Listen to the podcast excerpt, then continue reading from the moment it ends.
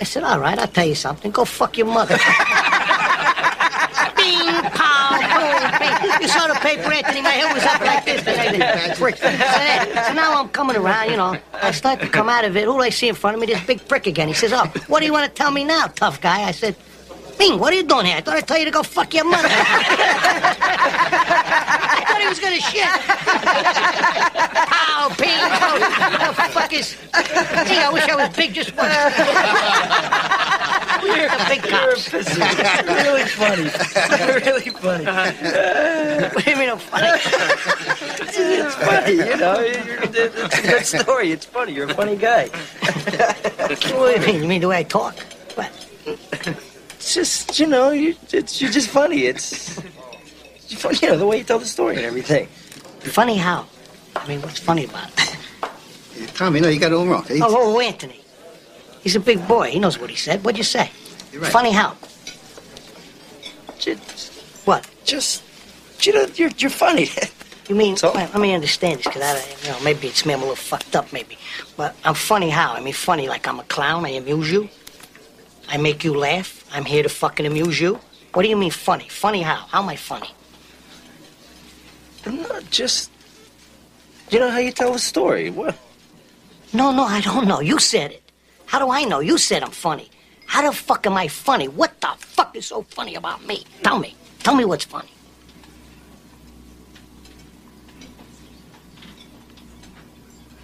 Get the fuck out of here to Tommy. You motherfucker! I almost had him. I almost had him. Stuttering, yeah, stuttering prick. Yeah.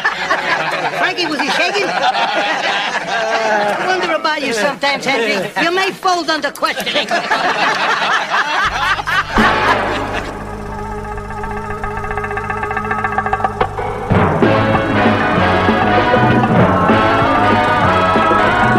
When it comes to entertainment, you can't beat a good film. Goedemorgen, goedemiddag, goedenavond of wanneer je dan ook luistert. Welkom bij weer een nieuwe aflevering van Inglorious Rankers, de podcast waarin we films ranken, van franchise tot filmjaar, van acteur tot actrice. Deze week een onderwerp, een categorie misschien, heel breed genomen. Ranking maffiafilms. Via Sine Martijn, een mede-Instagrammer en luisteraar van de show, kreeg ik bericht dat de maker en hoofdrolspeler van de Nederlandse maffiafilm Capo di Familia, Dirk Gunther Moor, interesse had om een podcast op te nemen. Na contact te hebben gehad met Dirk hebben we een afspraak gemaakt en is de podcast inmiddels opgenomen. Vandaag en volgende week kunnen jullie luisteren naar de Mafia Films ranking van Dirk en van mij. Natuurlijk zijn we ook benieuwd naar jouw persoonlijke Mafia ranking. Deel het met ons via de bekende social media kanalen en dan neem ik het mee in een van de komende afleveringen. Voor het bespreken van een bepaalde film hoor je een korte trailer en na de bespreking van de film een soundtrackfragment gevolgd door de trailer van de volgende film in de ranking. Omdat ik nog niet wist welke soundtrackfragmenten ik zou gaan gebruiken, worden deze niet aangekondigd tijdens het gesprek. Aan het einde van deze aflevering zal ik een overzicht geven van de gebruikte tracks. Nou, genoeg intro. We gaan starten met de eerste ronde. Ranking Mafia.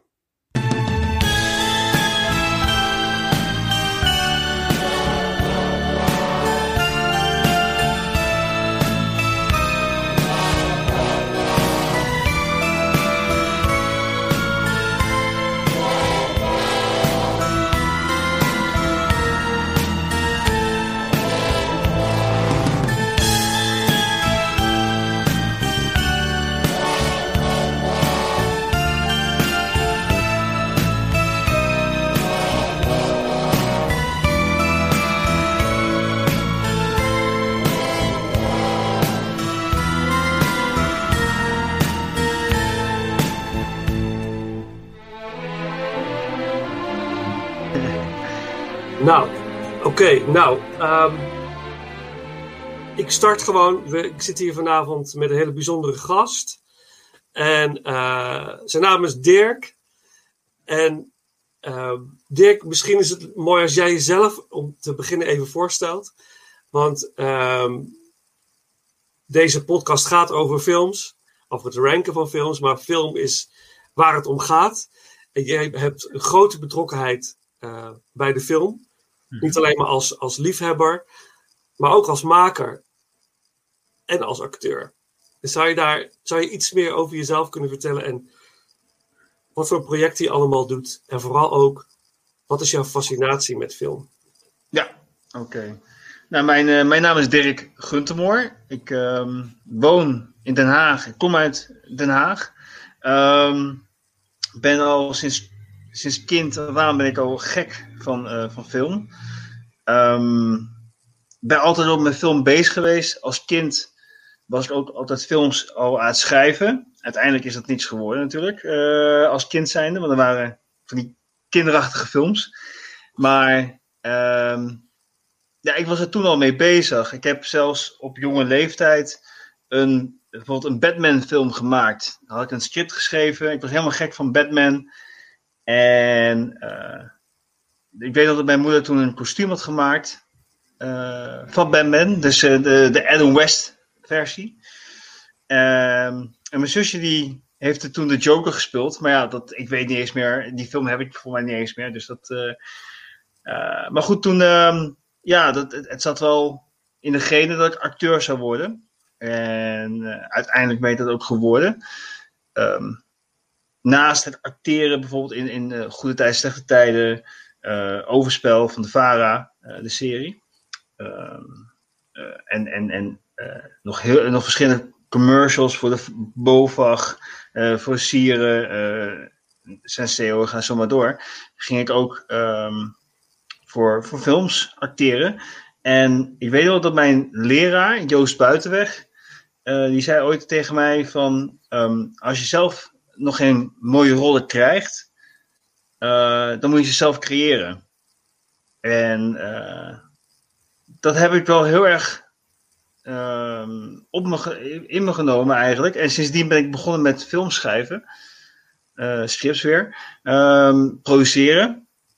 En natuurlijk ook gewoon daarin spelen om mezelf vooral te laten zien. En mezelf als acteur te ontdekken hoe ver ik kan gaan, hoe ver ik wil gaan. Ehm, en eh, nou mijn, mijn leraar Joost Buitenweg, die, die, eh, die houdt aan de, de, de, de Stanislavski-methode. En dat is de methode die ook eh, eh, werd gedaan door bijvoorbeeld Marlon Brando, Al Pacino, Robert De Niro. En dat zijn ook nog eens enorme helden voor mij. En ja, dat, dat vond ik ook wel het beste bij me passen. En ehm, vandaar dat ik nu ook gewoon heel veel dingen durf. En eh, qua acteur. En, mezelf ook durf uit, eh, uit te dagen in verschillende rollen. En eh, nou ja, nu bijvoorbeeld Capo di Familia. Er zijn twee films al gemaakt. Ehm, die heb ik alle twee geschreven. De eerste heb ik deels geproduceerd. De tweede heb ik volledig geproduceerd. En de derde zijn we nu mee bezig met draaien. Ehm, daar heb ik het script van geschreven. Ik speel weer de hoofdrol uiteraard. En ehm, ik ben zelfs regisseur van die film. Ja, dat was bij de vorige twee niet zo. Nee, Dat zit niet, Nee. zo, niet onder, jou, onder jouw regie. Ja, ik- ja, mooi verhaal. Mooi ook hoe je, dat, hoe je dat uitlegt over wat Joost Buitenweg mooi zegt. Is inderdaad, creëer dan je eigen rol. Dat is natuurlijk een heel mooi, eh, goed advies. Ik wil graag nog even met je verder praten over Stanislavski. Want ik heb ook cursussen gedaan. Ik heb een acteerachtergrond. Mhm. Veel ook, maar dan theater, niet film. Maar we kunnen daar best nog wel eh, wat leuk, leuks over eh, kwijt straks. eh, als Ja. we bij de films uitkomen ook. Maar heel veel Capo di Familia. Ik heb natuurlijk, omdat wij deze podcast gingen opnemen, ook de films bekeken. Mhm. En ehm, ik was echt. Ik, ik, ik- je ziet de invloeden, je liefhe- lief, liefde voor de- deze, dit genre, zeg maar. Mhm. Dat straalt er vanaf. Het is prachtig om te zien. En eh, eh, je ziet de ontwikkeling, vond ik heel mooi, van deel 1 naar 2. Het is een heel mooi karakterlijn. Ik vind heel, die, op, in deel 1 leer je de familie echt een beetje kennen. En in 2 werkt het eigenlijk, ga je door hè? Ja. Eh, in, in de karakterontwikkeling en in, de, in, de, in, de, in het verhaal. Eh, bijzonder mooi geacteerd. Joost Buitenweg zat toch ook in de tweede? Hij zat Ja, toch in klopt. de tweede film. Dat, dat, dat is toch Joost? Ik zat te denken, dat is Joost Buitenweg. ja, dat is de, de man eh Rien Hogedoren. Dat is natuurlijk Ja. waar nog steeds mee wordt geplaagd waarschijnlijk. Een onsterfelijke eh, rol. Ja, Maar ja, bijzonder om hem dan te zien als jouw leraar zijn in die film. Ik vond ja, bijzonder mooie kwaliteiten. Ik, ik heb er echt van genoten. En ik ben heel benieuwd naar deel 3 en wat het onder jouw regie doet. Mhm. Ook vooral.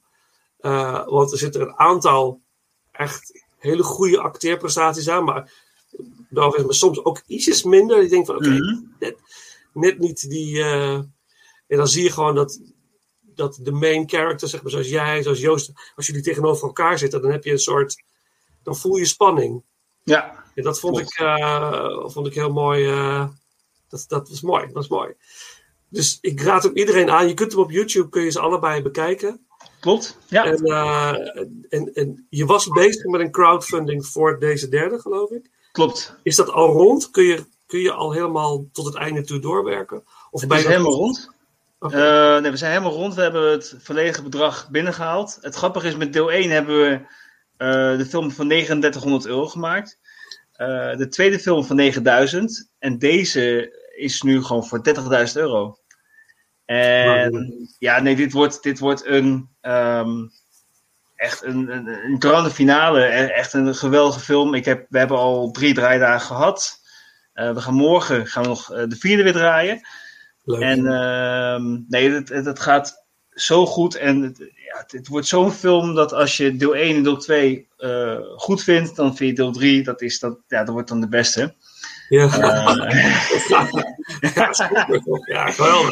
dat zeggen ze natuurlijk allemaal, die filmmakers. maar, eh, nee, ja, dat, nee, maar dit wordt inderdaad gewoon. eh, het verhaal is nog groter. Ehm, eh, de, de sets zijn groter. Eh, Ja. we, hebben, we hebben onszelf uitgedaagd met bepaalde dingen. Eh, we gaan ons nog uitdagen met bepaalde draaidagen. Ehm, nee, dat wordt hartstikke gaaf. En, en het regisseren is voor mij nu ook de allereerste keer. Eh. Het is een enorme uitdaging, maar het, wat ik zo fijn vind is van, ik ben zelf acteur, ik weet wat een acteur nodig heeft. En eh, om zeg maar, iemand eh, zover te krijgen om die rol te gaan spelen. Op die manier zoals ik het zie, zoals diegene het ook ziet. Ehm, ja, en dat vind ik gewoon het allerfijnste ook. Ja, dat betekent, zie je jezelf dan ehm, als echt een acteur-regisseur? Want je hebt Ja. natuurlijk, de, de andere twee zijn heel mooi gefilmd. Mhm, Mooie camerahoeken, ziet er echt heel mooi uit. Mhm. En ehm, dus daar is, dat, dat is gewoon echt kwalitatief heel erg goed. Maar jij bent echt degene die, die het uit de acteur weet te trekken, zeg maar. Die, dat laatste. Ja, klopt. Ja, ja, ik vind dat, Ik vind het belangrijk. Ik, bedoel, ik, ik kijk graag naar eh, regisseurs zoals bijvoorbeeld een. eh nou ja, dat is misschien oud allemaal, maar Scorsese, eh, bijvoorbeeld een Spielberg, eh, Coppola. Ik bedoel, van die, die, die drijven. En er zijn natuurlijk ook. eh, ik ben heel even die naam kwijt, maar van, eh, van die film met Jack Nicholson eh, in het hotel. Ik ben even de naam kwijt van die eh, regisseur. Kubrick. Ja, The Shining. Kubrick, is dat? Kubrick, En, ja. dat zijn de regisseurs die drijven de acteurs zeg maar, van, tot ze op het punt komen. Ehm, daarnaast hou ik ook van, de, van om, om acteurs vrijheid te geven. Want dat heb ik ook weer van Jack Nicholson. Doe wat er in, in je opkomt. En anders heb je nog altijd take 2. Ja. Dus dat vind ik belangrijk dat een acteur ook zijn eigen creativiteit naar voren kan brengen. eh, waardoor het niet gekunsteld wordt. Bijzonder. Man, ik ben ontzettend benieuwd. Wanneer, wanneer, gaat het, wanneer komt het uit? Ehm, de film komt in februari volgend jaar uit. Eh 5 juli is de laatste draaidag. Mhm. Ehm, in totaal hebben we dan ongeveer 12 draaidagen gehad. En eh, ja, dan, dan gaan we lekker editen. Nemen we de tijd voor. En in februari gaan we dan, gaan we dan in première. Ja. En ga je in de bioscoop in première? Is dat de Ja. bedoeling? Ja. De bedoeling is, eh, we hebben een goede samenwerking met eh, Almere. Eh, het leuke is dat Joost eigenlijk ook weer betrokken is bij deze film. Maar vooral achter de schermen om ons te ondersteunen. Ja. Ik wil niet Ehm, zeggen waarom, dan moeten de mensen zelf maar gaan kijken. Ja, nee, hij, hij helpt ons in ieder geval. Hij kent heel veel mensen uit, in Almere. En hij heeft ons de mogelijkheid gegeven om met eh, verschillende partijen in Almere samen te werken. En we gaan dan ook eh, de première houden in Almere. Ehm, dus ja, en, en eh, bijvoorbeeld eh, Omroep Ons Almere doet mee. Eh, en er zijn nog wel meerdere partijen, maar die, zijn heel erg enthousiast eh, over wat we aan het doen zijn. Dus dat, dat, daar ben ik alleen maar hartstikke blij mee. Wat gaaf. En eh, ik heb nog een aantal, aantal vragen, maar het belangrijkste is even, je hebt een aantal prijzen gewonnen met deze Ja. film. Kun je daar nog iets over vertellen? Eh, met Ja, en nou, laat ik zo zeggen, in Nederland ehm, zijn we eigenlijk niet heel erg goed ontvangen. Ehm, ik denk dat het vooral te maken heeft met een genre en misschien wel een soort film. Ehm, dat in Nederland misschien wel anders wordt gekeken naar bepaalde films. Maar in Amerika bijvoorbeeld, eh, ik heb, we hebben heel veel prijzen voor de film eh, ontvangen. Ook hele mooie recensies. Eh, maar ook heel veel persoonlijke prijzen gewonnen. Vooral in Amerika. Ehm, ik heb zelfs interviews gehouden in Amerika, bijvoorbeeld van eh, hè, wat, je spel, eh, waar haal je inspiratie vandaan en hoe doe je dat? En eh, nou, dat vind ik onwijs mooi dat Amerika die aandacht geeft. Dus eh, we hebben ook gezegd van we blijven zeg maar Amerikaans denken. Ehm, want daar wordt de film denk ik het beste opgepakt. Mhm. Ja, ik vind het jammer dat het niet in Nederland goed ontvangen. Maar goed, dat, eh, dat nemen we op de koop toe. En ehm, we hopen eigenlijk dat met deel 3 misschien wel dat we in Nederland goed op. Maar eh, in- met de eerste film hebben we 14 awards gewonnen. En met de tweede hebben we 16 awards gewonnen. Nou ja, voor films die samen dan eh, ongeveer 14.000 euro zijn, 13.000 euro, dat, dan is dat wel knap, denk ik. Geweldig. En het, het zegt iets inderdaad over, over het kunnen van de crew, over jouw kunnen, over het kunnen van de mensen met wie je werkt. Ja, We, de, vorige week, twee weken geleden, heb ik een ranking opgenomen over Christopher Nolan. Ja. Met, met, met, met Paul Hazelhoff, een luisteraar. En mede Instagrammer, zeg maar. Mhm. Die, ehm, toen hadden we het natuurlijk over de eerste film van Christopher Nolan, Following. ja, Wat een ijzersterke film is, maar ook met een budget van 6000 euro of zo, Mhm. eh, dollar of zo, is die film gemaakt. ja, Maar er zit zoveel passie en gedrevenheid in. En met de mensen om je heen maak je zo'n film. En dan gaat het balletje vanzelf rollen. Ik vind dat heel bijzonder. En ja. dat het ook in Nederland kan, hè?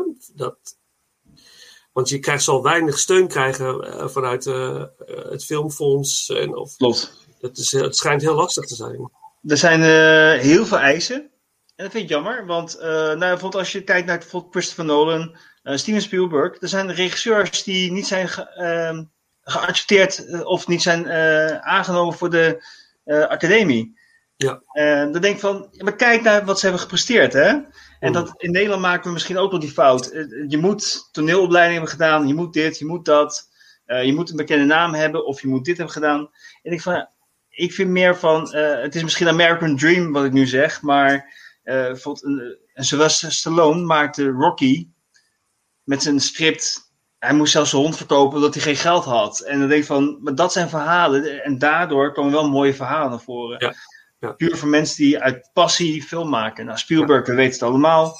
Eh, nou, Christopher Nolan met bijvoorbeeld wat je zegt, die film, maar ook Inception. Ja. Eh, de The Dark Knight eh, trilogie. Ja, van, het zijn geweldige reg- regisseurs. Coppola kwam ook uit het niets met Godfather. Ja. En, en, en, en ja, dus dat, ik vind van kijk naar wat iemand eventueel kan en wat hij wil presteren. En geef Ja. diegene gewoon een kans. dat vooral. Ik denk dat vooral. En als iemand inderdaad een korte film wil maken, is laat, laat, maar, laat maar zien. En eh, geef, sowieso ben ik er heel erg voorstander van. Geef ruimte aan creativiteit. Ja, Weet je, dat, dat, is een, dat is een groot goed. dat je, en je kunt zo. Kunst is zo belangrijk. En als je mensen de, eh, de creatieve vrijheid geeft, dan ontstaan er zulke bijzonder mooie dingen. klopt. En ik ben blij dat Amerika het ziet. En ik denk ook wel dat in Nederland is natuurlijk een heel seriecultuur aan het worden, ook hier in Nederland natuurlijk. Ja, natuurlijk maar je hebt wel eh maffia dingen zoals de Mokro Mafia, die series. ja, Maar het is heel erg geënt op. eh, ik, ik heb de boeken gelezen van Mokro Mafia, maar niet de serie nog niet gezien. Mhm. Maar het is, ik weet dat het heel geënt is op het geweld en op, en Ja. op, de, op de, de afschuw. En, en wat ik in ieder geval uit Capo di Familia haal, is dat het Mhm. gaat over familiebanden. Het is, Ja. het is, het is een, het is een karakterverhaal wat ergens naartoe leidt. Ik ben heel benieuwd wat, waar het dan uiteindelijk eh, naartoe gaat leiden. Mhm. Maar het is heel erg, en daar zie ik de invloeden uit de maffiafilms, en jouw, jouw liefde voor die films. Die films draaien ook eigenlijk, je onthoudt de karakters. Mhm. En niet zozeer de gewelddadige scènes. En als er dan één in zit, dan komt die er echt goed uit. Zeg maar. Klopt. En, Ja, dat, eh, en ik, ik weet niet of. Misschien is Nederland er niet klaar voor of zo. Ik weet het niet. Of misschien moeten gewoon veel meer mensen het gaan zien. Ja daar, ben- daar ben ik het helemaal mee eens. En ik hoop in ieder geval dat. dat eh, ik heb nog een interview gehad met uh. En Mhm. ik heb gezegd van blijf alsjeblieft gewoon talenten ondersteunen.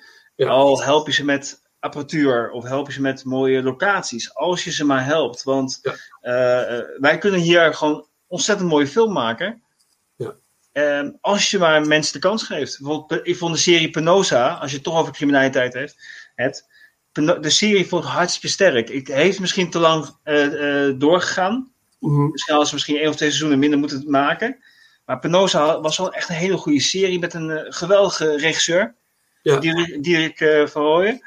Ehm, die ook weer in Amerika zit. ehm, nu. Maar die, die maken gewoon geweldige dingen. En dat vind ik van. Dat was ook met Overspel. Dat was ook een hele goede serie. En zo mooi gemaakt. En we, we kunnen ook die serie over Ramses van Michiel van Erp. Fenomenaal. Een van mijn favoriete series is all time. Ja. Geweldige regisseur. Maar hij is gewoon een documentaire maken. Maar hij is zo'n goede regisseur. Van, die Ja. mensen moeten meer kans krijgen om mooie verhalen te maken. En Ja. ook de jonge talenten. Ja. Ja. En dat is- ik hoor dan zelfs dat een Dick Maas nog steeds moeite moet doen om films te kunnen maken in Nederland. Terwijl hij al een gigantische backlog heeft. Ja. en heeft laten zien, ik kan geweldige films maken die een breed publiek trekken. Dus ja, laat mij lekker gaan. Maar dat Ja. is schijnt toch nog steeds verschrikkelijk ingewikkeld te zijn. Wat een gaar land is het toch eigenlijk. Als je kijkt naar de lift, hè. De lift is zo'n geweldige film. Ja, Voor, voor toen die tijd. Maar als, als, nu wordt hij nog steeds in de zomer bij RTL 5 uitgezonden. En dan kijk ik ernaar. Ja. Goede film. Amsterdam, precies hetzelfde. Ja, Weet je, dus dat is zo zonde dat ook Dick, Dick Maas dan heel veel moeite moet doen om een beetje budget te krijgen. Ja, ja, ja. Nou, ik hoop voor, voor, voor jou en, en eh, de mensen met wie je de film maakt, dat het opening gaat bieden. Ook, dan maar in het buitenland. Weet je, dat Ja. is natuurlijk. eh, eh, het is, ik raad het iedereen aan, dus bij deze luisteraars, ga vooral kijken en, en deel het ook Mhm. op je social media kanalen, want het is echt de moeite waard. En ik, ik kijk uit naar deel 3. Dankjewel. Ja, dat, je wordt uitgenodigd voor de première. Oh, dat is tof. Oh, dat vind ik heel leuk. Dat vind ik heel leuk. Ja, dat is cool. Bij deze. Het is Ja. vastgelegd, hè? Dus, eh, ja, ja, ja. nee, maar ehm, we zijn hier natuurlijk vanavond ook om, om een ranking te doen. En we gaan Ja. natuurlijk tijdens de ranking heel veel over acteren hebben. Want het merendeel van de films, denk ik, in onze op 10 zijn, top 10 zijn echte acteur, ac- acteerfilms. Waar het gaat om de acteerprestaties. Eh, we zullen heel veel dezelfde acteurs gaan terugzien en horen. Mhm. Denk ik ook. ja. Misschien wat verrassingen. Ehm, zullen we gewoon beginnen en met Ja. jou nummer 10 en dan eh, zien we wel eh, hoe het balletje gaat rollen. Is goed? Gaan we Vind je het goed om af te trappen? Ja. Ja? Oké, dan eh, beginnen we met jouw nummer. Paramount Pictures announces an extraordinary entertainment experience The Untouchables. Kevin Costner is Elliot Ness. Robert De Niro is Al Capone. Sean Connery is Jimmy Malone. A story of good and evil, honor and betrayal, corruption and courage. The Untouchables. Now playing at the Century Cinedome in Sacramento Drive-ins. Check newspaper for showtimes. 10. Mijn nummer 10 is ehm The Intouchables. The Intouchables met eh, Kevin Costner, Robert De Niro, Annie Garcia, Sean Connery, of course. Ehm, ja, ik, ik, vind, eh, ik vond het heel gaaf om Kevin Costner in zo'n rol te zien. En eh, de beste van iedereen, ook al ben ik normaal meer Robert De Niro fan, eh, Sean Connery. Ja. Die vond ik echt ontzettend sterk. Die ken je natuurlijk alleen maar als James Bond en Indiana Jones films. Ehm, maar goed, dan, als hij dan als Malone eh, daar loopt, dan denk ik van, nou ja, die man is echt een hele goede acteur geweest. Ja, ja, briljant. Ja. Nummer 10, The Untouchables. Ja, De film over Elliot Ness, die eh, waar gebeurt? ja. Al het Capone. tegen de grootste, een van de grootste maffiabazen uit de geschiedenis, Al Capone. Ja, In, tijdens de drooglegging in Amerika. Dus dat er geen alcohol meer verkocht mocht worden. En, eh, en De Niro als Al Capone. En Costner als, als Elliot Ness. Correct, ja. Ja, ja. En voor jou is, voor jou is de, de, de main guy is Sean Connery in de film? Ja, ik vond... eh, De Niro in dit, in dit geval. Ja, de, de, de Niro, zijn, zijn, zijn performance is daar gewoon heel sterk. Maar als je dan kijkt naar Sean Connery, ehm, wat ik al zei, die, die zie je normaal als James Bond. En die is daar nu als zeg maar, de underdog. Maar wel ehm, de kracht achter Elliot Ness die ervoor zorgt dat hij wel Al Capone oppakt. En dat hij Ja. gewoon door blijft gaan. Eh, terwijl dat eigenlijk gewoon een soort van straatagent was. Ja. Eh, en en, en zijn, nou ja, het, het spel van Sean Connery, dat, dat hadden we nog niet eerder bij hem gezien. Nee. Zeg maar, laat ik het zo Nee. zeggen. En dat vond ik wel heel knap en heel mooi om te zien. Ja, wat, wat ik, voor mij staat hij iets hoger in de ranking. Dus er zal Oké. ook nog wat op terugkomen. Mhm. Ehm, ja, ik heb hem herzien Ja. vorige week. Ik was ook vroeger als kind, dat is ook heel typisch, dan was ik, ik was eh 12, nee 11 toen hij Ja. uitkwam. Dus ik mocht daar niet heen, weet je al, gedoe, eh, mocht ik daar niet heen. En, maar ik mocht de soundtrack ging ik daar wel kopen. Ik wilde dan wel de filmmuziek horen en een beetje fantaseren met wat daar dan eventueel bij zou kunnen. Mhm. Die, die filmmuziek heb ik grijs gedraaid. Ik vond het, het is geweldig. Ennio Morricone, Ja. prachtig soundtrack. Ehm eh, laat er ook een stukje van voorbij komen. Ehm, maar toen ik de film uiteindelijk zag, inderdaad, was ik natuurlijk vooral onder de indruk van De Niro. Maar nu ik hem in heb, inderdaad heb herzien, zie ik, zie ik de kracht, de, je zegt, de stille kracht van Sean Connery. Mhm. En het mooie aan zijn manier van spelen in deze film, doet hij eigenlijk heel veel in films, is eigenlijk, hij doet niet zoveel. Klopt. En dat, vind ik, dat vind ik dan inderdaad in verhouding met De Niro, die echt natuurlijk weer echt een bombastisch eh, personage is. Heel overtuigend, maar ook echt groot. Mhm.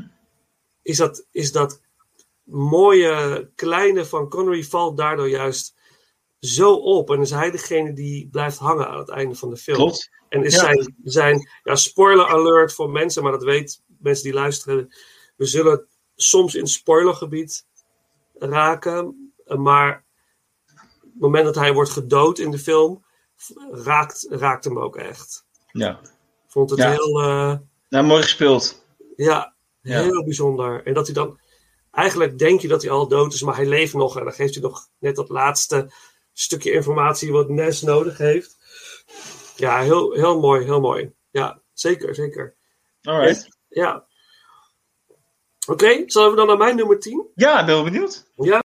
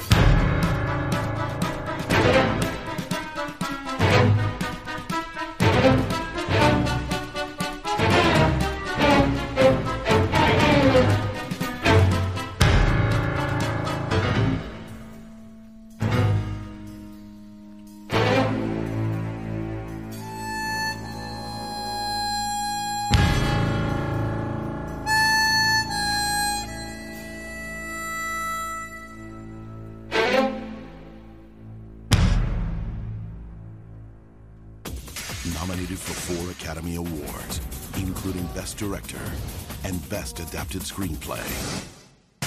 Rio de Janeiro, the beach, the nightlife, the romance. But 15 miles from paradise is a place called the City of God. A place where one man must infiltrate a war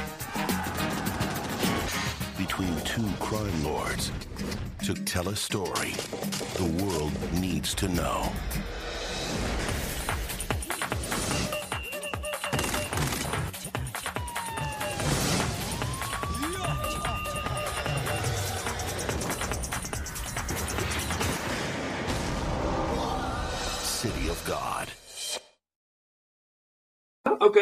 Mijn nummer 10. Uh, Tromgeroffel. Eh, is een film die, die ik. eh, Oké, ja, nummer 10. Een film die ik heb gezien eh, toen hij uitkwam in de bioscoop. eh, 2002. En ik heb hem eh, gisteren herzien voor de zekerheid. Want ik dacht, ga ik hem nou in die top 10 zetten of niet? En ja, en gisteren was ik overtuigd dat ik het moest doen. En dat is de film City of God. Uit 2002. eh eh, C- eh, wat is het? Cidade de Deus. Eh, ehm, een Braziliaanse film. Speelt zich af in de favela's van Rio de Janeiro. Waar zeg maar een, eh, een jonge man, een jonge, Ja. jongen, zijn ambitie is om fotograaf te worden. Hij wil graag journalist worden en eigenlijk buiten de favela en in de stad gewoon als journalist werken. Maar voor een jongen als hij is dat bijna onmogelijk, omdat hij in die achterstandsbuurt woont. En je hebt daar je hebt nog een vriend, een soort van vriend. En dat wordt een bendeleider, een maffiabaas eh, binnen die favela's. En hij heeft nog een andere vriend, dat wordt ook een maffiabaas. En dat wordt eigenlijk rivaliserende gangs worden dat. Eh, en wat zo bijzonder is aan deze film is dat het waar gebeurd is. En dat het op een hele chockerende wijze laat zien hoe verschrikkelijk het daar moet zijn om daar te, te leven en te wonen. Vooral als, als jongeren, want ook de kleine kinderen. Je hebt dan zeg maar de, eh, een groepje kleine kinderen dat ook wel een soort gang vormt. Los van de andere gangs. Die zien dan die gangs als voorbeeld. Die lopen op een gegeven moment ook met pistolen die ze ergens vinden. En dan zie je, die, dat, dat is dan de toekomst van die kinderen. Daar, gaan zij, daar gaan zij naartoe. Zij, ze hebben bijna geen keuze. En uiteindelijk, het lot bepaalt wel dat deze jongen uiteindelijk zijn droom kan verwezenlijken. Met gevaar voor eigen leven ook nog. Maar het, het, het, het idee dat dit eigenlijk nog steeds aan de orde van de dag is daar. Dat gebeurt daar gewoon. Die, die, jongeren zijn. eh, en ze, ze, ze beheersen de hele omgeving, de hele wijk. Ze zijn gewoon de. En ze worden ook een soort van algemeen gerespecteerd. Dat zie je ook in, vaak in, in de, in de, de maffia, soort geromantiseerde maffiafilms. Dat de maffiabaas ook door de groenteboer wordt wordt gezien als: hé, hey, dat is mijn vriend. En weet je, eh, dat is een soort, soort cultuur wat er is ontstaan. En waar iedereen zich enigszins prettig bij voelt. Ook al weet men, er gebeuren de meest verschrikkelijke dingen Precies. als wij s'avonds onze deur sluiten. En dat, ja, ik vond het heel indrukwekkend, deze film. En ehm, ik kan hem je zeker aanraden, als je hem niet hebt gezien. Ik heb hem niet gezien, nee. Daarom Ja. is dat, eh, ik vind het wel heel interessant. Ik ga hem ook gelijk opschrijven. Dus dat, eh, Ja, ja het, is, het is bijzonder mooi. Het zijn, het zijn allemaal eh amateuracteurs. Dus ook de regisseur van deze film, eh ga hem even opzoeken. Die wil ik wel ook even benoemd hebben. Ehm, dat is Fernando Meirelles en Katia Lund. Co-director. Eh, maar hoe die. Ik weet soms, sommige acteurs hebben gewoon het vermogen om kinderen te kunnen regisseren. Omdat. Ik, ik weet niet, het is zo alsof je, alsof je eh, naar een documentaire zit te kijken. Alsof je die vast. Mhm. Het is op een hele aparte manier gefilmd. moet je in het begin even aan wennen, aan de manier van filmen en de taal natuurlijk. Mhm. Ja. Maar als je dat eenmaal, je krijgt ook een 8.6 op IMDb, maar als je daar eenmaal doorheen bent, dan heb je echt een waanzinnige, waanzinnige kijkervaring. Oké. Ja. Ja. Ik ben wel heel erg benieuwd nu. Ja, ja, ik zal hem zeker gaan kijken. Het is, het is maffia op een andere manier. Mhm. Dus Ja. het, is, het is niet de, de Italian mob, maar Nee, precies. ja. En het idee, dat is met Mokro Mafia, dat je, je weet gewoon dat het gebeurt. Buiten je buiten Ja, dat is waar. Het is gewoon een feit, het gebeurt. Mhm. Ik heb een paar jaar geleden heb ik als trainer gewerkt met, eh, met vluchtelingen. Heb ik gecoacht en getraind. En op een zeker moment kregen wij een stagiaire, een stagiair. Die kwam uit de gevangenis. Die wel, was zijn leven weer aan het opbouwen. En die ging sociaal werk doen. Die kwam bij ons stage lopen. Nou, het was een heel ingewikkeld proces. Want hij was ook met een persoonlijke ontwikkeling bezig. En ik begeleidde hem. En toen heb ik ook echt verhalen gehoord. Die hij heeft meegemaakt. Hij kwam uit de Schilderswijk. Dat ik echt dacht van, mij, dit, wat? Weet je, dat je de meest afschuwelijke dingen. Dus je denkt, dit gebeurt dus gewoon buiten. Ja. dat, en dat vind ik, eh, het maakt het heel interessant natuurlijk. Hè? Maar daarom kijken mensen ook gewoon Mafia. Maar, Ja. maar hoe, hoe- ben ik wel nieuwsgierig, want wat, wat, hoe, hoe zie jij dat? Want je, je maakt zeg maar een film over een, een familie in Nederland eigenlijk. Hè? Mhm. Eh, in hoeverre is het jouw bedoeling om, om het realistisch te maken? Of kies jij persoonlijk meer voor de romantische, of ja, romantisch tussen aanhalingstekens, de filmische romantische kant? Of zoek je naar, wat, ja, ben, Nou ja, zonder. Kijk, ik, ik ga misschien nu even eh, dingen verklappen, maar. ehm, we wilden in het begin, eh, met deel 1 wilde ik, want het, eigenlijk was de bedoeling om maar één film te maken. Ja. Eh, ik wilde echt een film over familie maken. Eh, en dat er, dat er echt wel dingen gebeuren waar misschien wel mensen in de familie helemaal geen weet van hebben. Of niet over willen nadenken. En eh, deel 1 zie je ook eigenlijk niets wat betreft geweld. Nee. Eh, omdat we dachten van ja, er wordt al zo makkelijk in films geweld gebruikt. En we weten dat dat in, de echte, in het echte leven ook gebeurt. Ja. Ehm, maar we vonden het eigenlijk niet nodig. Maar toen we een, een- tweede deel gingen maken, vonden we wel dat het geweld noodzakelijk was. Om dat te laten zien. Ja. Eh, omdat we denken van ja, anders ga je wel buiten de realiteit. Eh, Ja. Want in dit soort families ehm, gebeuren dingen die je daglicht niet kunnen verdragen. Ja. Ehm, dus dat, dat vond ik wel nodig om te doen. Maar inderdaad, eh, tuurlijk, als je naar de films kijkt waar we het vandaag over hebben, dan wordt er heel veel geromantiseerd. Ehm, en ik heb juist het gevoel dat eh, misschien wel door deze films ook wel die onderwereld mooier wordt gemaakt. Maar dat is eigenlijk mooie, het mooie van film. Je kan de, de slechtste man die je maar kan verzinnen, kan je daar neerzetten. En die kan je denken, oh eigenlijk best wel een aardig man. Een hele aardige man, dat doet er niemand wat kwaad. ja, ja. Hij verdedigt zijn familie. Maar dat, eh, dat is inderdaad de realiteit. En dan is het ook wel mooi om bijvoorbeeld een film zoals jij nu zegt, City of God, om, om de realiteit gewoon onder ogen te komen. En dat, eh, dat die, in die favela's, dat het gewoon verschrikkelijk leven is. En dat misschien wel, eh, hoe ze het zeggen, eten of gegeten worden. Ja, zeker, zeker. En, en natuurlijk, wat wel heel, heel bijzonder is, is dat, eh, dat komt ook terug in de films waar we het over gaan hebben, vast en zeker, is dat, en dat zeg ik ook in uh, Capo di Familia, het zijn allemaal karakters waar je je aan kan re- relateren. Ja, Het is, alle- het is een familie. We hebben allemaal, eh, hopelijk voor iedereen, een familie waar je, waar je, waar je bij terecht kan. En het, kijk, als, als er iets met jouw familie gebeurt, Mhm. dan ga je wat doen. Dan, als er iets met mijn dochter zou gebeuren, zouden ze me moeten opsluiten. ja, Dan, dan snapt er iets in je.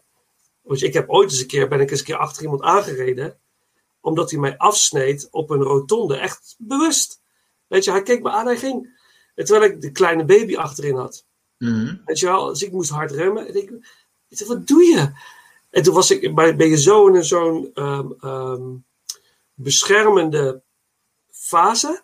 ja. Dan denk je, niemand, niemand komt aan dat kind. En dan ga je. En dan denk je niet meer na.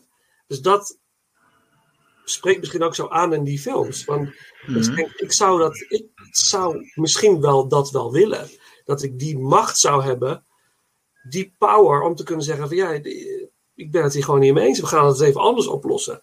Dat het Mhm. ook een soort wens is om, daar, om, om er deel van uit te maken. Of misschien dat die, die kracht te hebben, die energie te hebben, maar wel wetende. Ja, maar als ik het zou hebben, dan zou het dus wel betekenen dat ik zelf ook gevaar loop. En, en dat is Klopt. natuurlijk heel interessant.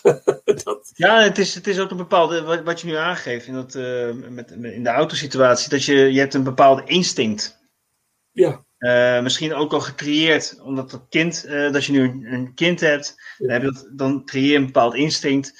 En dat is bescherming, inderdaad, overleving. En, en, en die mannen, want het gaat vooral in die films heel veel over mannen, Ja. eh, hebben die mannen inderdaad een bepaalde instinct. En, en, en die, zijn opgegroeid, nou, zoals die Brazilianen wat je, waar je het over hebt. Die, eh, in die slechte buurten, die willen, die willen beter, ehm, die willen een beter leven hebben, ook voor hun kinderen. En ehm, nou ja, inderdaad, Italianen zijn heel erg bescherm, eh, beschermend. Ja. Ehm, en ja, en om heel eerlijk te zijn, ik ben ook wel heel erg beschermend hoor, naar mijn familie toe. Of, maar, dus ik kan ook heel goed begrijpen, bijvoorbeeld, bijvoorbeeld een Vincent die iets speelt. Ik kan Ja. heel goed begrijpen eh, wat hem bijvoorbeeld drijft. Alleen eh, de middelen die hij gebruikt, of zeg maar, de bepaalde manieren die hij heeft, dat, eh, ehm, dat is zeg maar, voor een normaal mens zoals jij en ik, is dat misschien, gaat dat gewoon weer veel te ver. Omdat je Ja. weer een ander mens het weer moeilijk maakt. ja, ja. Dat is ook een mooie ontwikkeling die je ziet in jouw. Ja, jij speelt in jouw rol in Mhm. die film. Is dat je in deel 1 zie je nog eigenlijk een, inderdaad de sympathieke man. Waarvan je eigenlijk niet zo snel verwacht dat hij dat in zich zou hebben. Het, is Mhm. heel, het, het lijkt echt een vader, familieman. En aan deel 2 zie je inderdaad, komt die meer duistere kant van hem naar boven. Op een hele interessante manier, vond ik. En een eh, best wel heftige manier. Zal Ja, niet te veel over zeggen, maar dat, eh, dat was best eh, pittig. ja, Dus dat, eh, dat, is, dat is ook wel mooi, vind ik.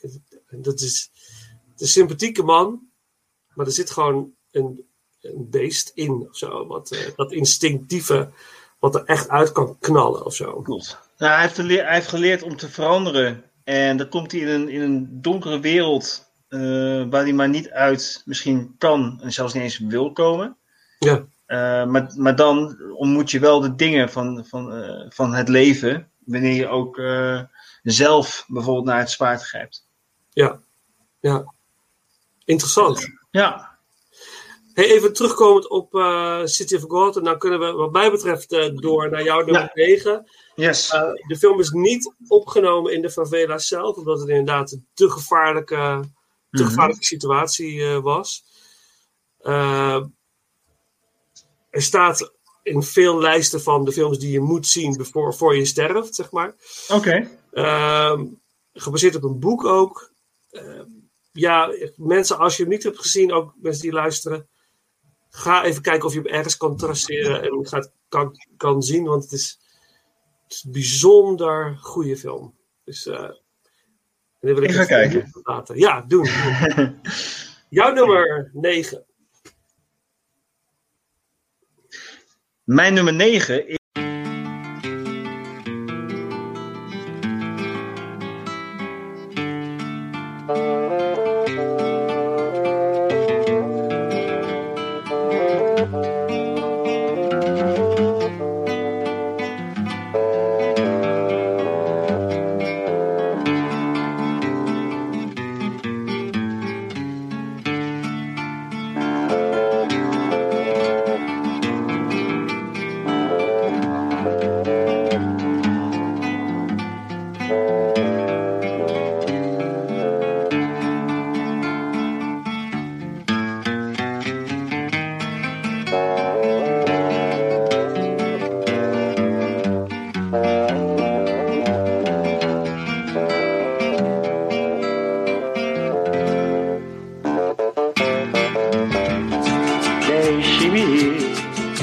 Andar, vou por aí a procurar chorar. Deixe-me, preciso andar. Vou por aí a procurar e pra não chorar. Quero assistir ao sol nascer, ver as águas dos rios correr, ouvir os pássaros cantar. Eu quero nascer, quero viver, deixe-me, preciso andar. Vou por aí a procurar, pra não chorar. Se alguém por mim perguntar, diga que eu só vou voltar depois que me encontrar. Quero assistir ao sol nascer, ver as águas dos rios correr, ouvir os pássaros cantar. Eu quero nascer, quero viver, deixe-me, preciso andar. Vou por aí a procurar, sorrir pra não chorar. Deixe-me, preciso andar.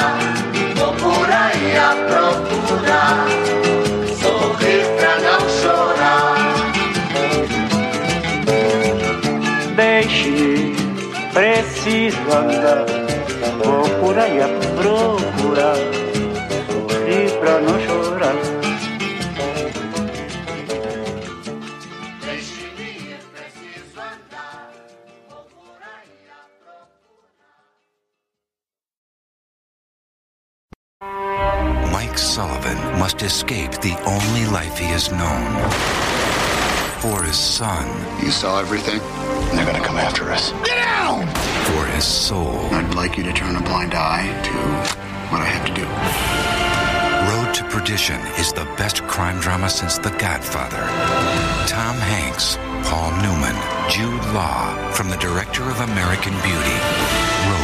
Rated R, starts Friday, July 12th. is uh, Road to Perdition. Uh, de film met Tom Hanks, ehm, Jude Law en eh, eh, natuurlijk ook Paul Newman. Eh, Tom Hanks in een geweldige rol. Ehm, om heel eerlijk te zijn, ik, ik ken de films nog Splash en iets van Bachelor Party en, denk van, en Bake natuurlijk. Maar ik denk van ja, ik weet niet of het nou zo'n hele goede acteur is. Maar toen kwam natuurlijk Forrest Gump, Philadelphia. Castaway en dan komt Road to Perdition. En Tom Hanks heeft me echt iedere keer als ik een film van hem zie, gewoon echt verbaasd. Eh, hij kan echt alles spelen. En ja, Paul Newman is, is een, zeg maar, een, held van vroeger. Eh The Call of Money en zoveel films, maar ook deze film speelt hij ook weer die, die geweldige Ierse maffiabaas. En ehm, ja, Jude Law in een hele leuke rol. Eh, nee, dit is ook weer een geweldige film. En ik had totaal niet verwacht dat dit echt, echt een topper zou worden. Dus eh, ja. En is die, de, eh, bij mij heeft hij de top 10 niet gehaald. Mhm. Was een, een of-of situatie. Ja. Maar toen was het City of God geworden. Oké. Is een, inderdaad Road to Prison een bijzonder mooie grauwe film ook bij Tijd en Weilen. Ja. donker. Ja. En het gaat eigenlijk om dat Tom Hanks zijn zoon moet beschermen omdat hij een getuige is geweest van, eh, eh, van de moord. Klopt. En door die dan weer gelinkt is aan de maffiabaas Paul Newman, waar Tom Hanks ook voor werkt. En dat Ja. maakt het een hele ingewikkelde situatie. Hey, even, even Paul Newman, hè? jij zegt, dat ben ik, The Color of Money.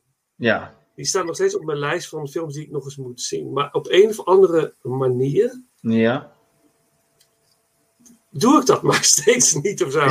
Maar wat, wat is, wat, kun jij mij overtuigen? Wat, wat maakt The Color of Money dan de film wat, de moeite waard? Even. Nou de Color of Money, als je kijkt met, met Tom Cruise eh, bijvoorbeeld. Ehm, ik vind het geweldig. Dan heb je ook nog ehm, eh, Marie eh, Elizabeth Mastranta- eh, Mastrantonio, die ook in Scarface zit, en John Turturro. Ehm, Paul Newman is eigenlijk een, een soort van eh, hustler die, eh, die heel goed kan ehm, poelen. En nou ja, die, daar verdient hij ook zijn geld mee. En hij komt iemand tegen, dat is Tom Cruise, die ehm, ook heel erg getalenteerd is. Die neemt hij mee. En ehm, dan gaan ze dus eigenlijk door heel Amerika gaan ze reizen om ervoor te zorgen dat. ehm, om gewoon geld te verdienen met z'n drieën. Want eh, eh, Tom Cruise heeft ook een vriendin. En nou ja, dan komen ze daar en doen ze eerst alsof, alsof ze niks kunnen. En dan gaan ze heel veel geld inzetten en dan wordt er eventjes gepoeld. Ah ja. Ehm, en later wil dat Tom Cruise, of zijn karakter in ieder geval, Vincent ook weer. Ah ja, Die, nice. eh, die, eh, die is. ehm, die wordt als het talent gezien en die wordt straks misschien wel de nieuwe wereldkampioen. En Paul Newman, die denkt van, ho, maar ik ben beter. En ehm, dus die gaat ook meedoen aan dat toernooi. En dan zijn ze opeens elkaars tegenstanders. Eh, voor de rest ga ik niet vertellen eh, wat het is, maar nou ja, wat ik zo mooi vind aan, acteurs is dat hun ogen, wanneer ze hun ogen laten spelen. Mhm. En daar, ja, Paul Newman eh, is daar één van. En die, die kan het heel goed. Ja. En dat is weer tegen het fysieke van Tom Cruise vind ik het alweer echt heel leuk, zeg maar, na, naast elkaar. Ja. Eh, maar als je dan weer kijkt naar Road to Perdition, dat is dan ook weer dat, eh, ja, Tom Hanks en Paul Newman, eh, dat gewoon zo goed op elkaar is afgestemd. Ja. Dat, nee, ik vond het een enorm verrassing en dat is in het, die zit inderdaad in mijn top 10 eh, voor beste maffiafilms. Ja, ja, nummer 9. Geregisseerd door Sam Mendes. Ook dus al een regisseur. Ja, Sam Mendes is de regisseur. Ja, dus ja, ja zeker absoluut aanrader. Maar het is ook niet, volgens mij een film die niet heel bekend is. Hè? Niet heel, Nee. heel eh, beroemd is geworden. Of waarvan je zegt, Tom Hanks staat een link hier. Oh, dat is Road to Perdition. Totaal niet eigenlijk. Nee, vind ik heel jammer. Ja, dat te weinig mensen eh, hebben gezien. Ja. Ja. Oké, nou, nice, nice. Eh, dan, eh, het is trouwens gebaseerd zie ik, op, op eh, actual events. Oké. Based. Dus eh, ergens eh, zit er een kern van waarheid in, eh, in deze film. Ehm,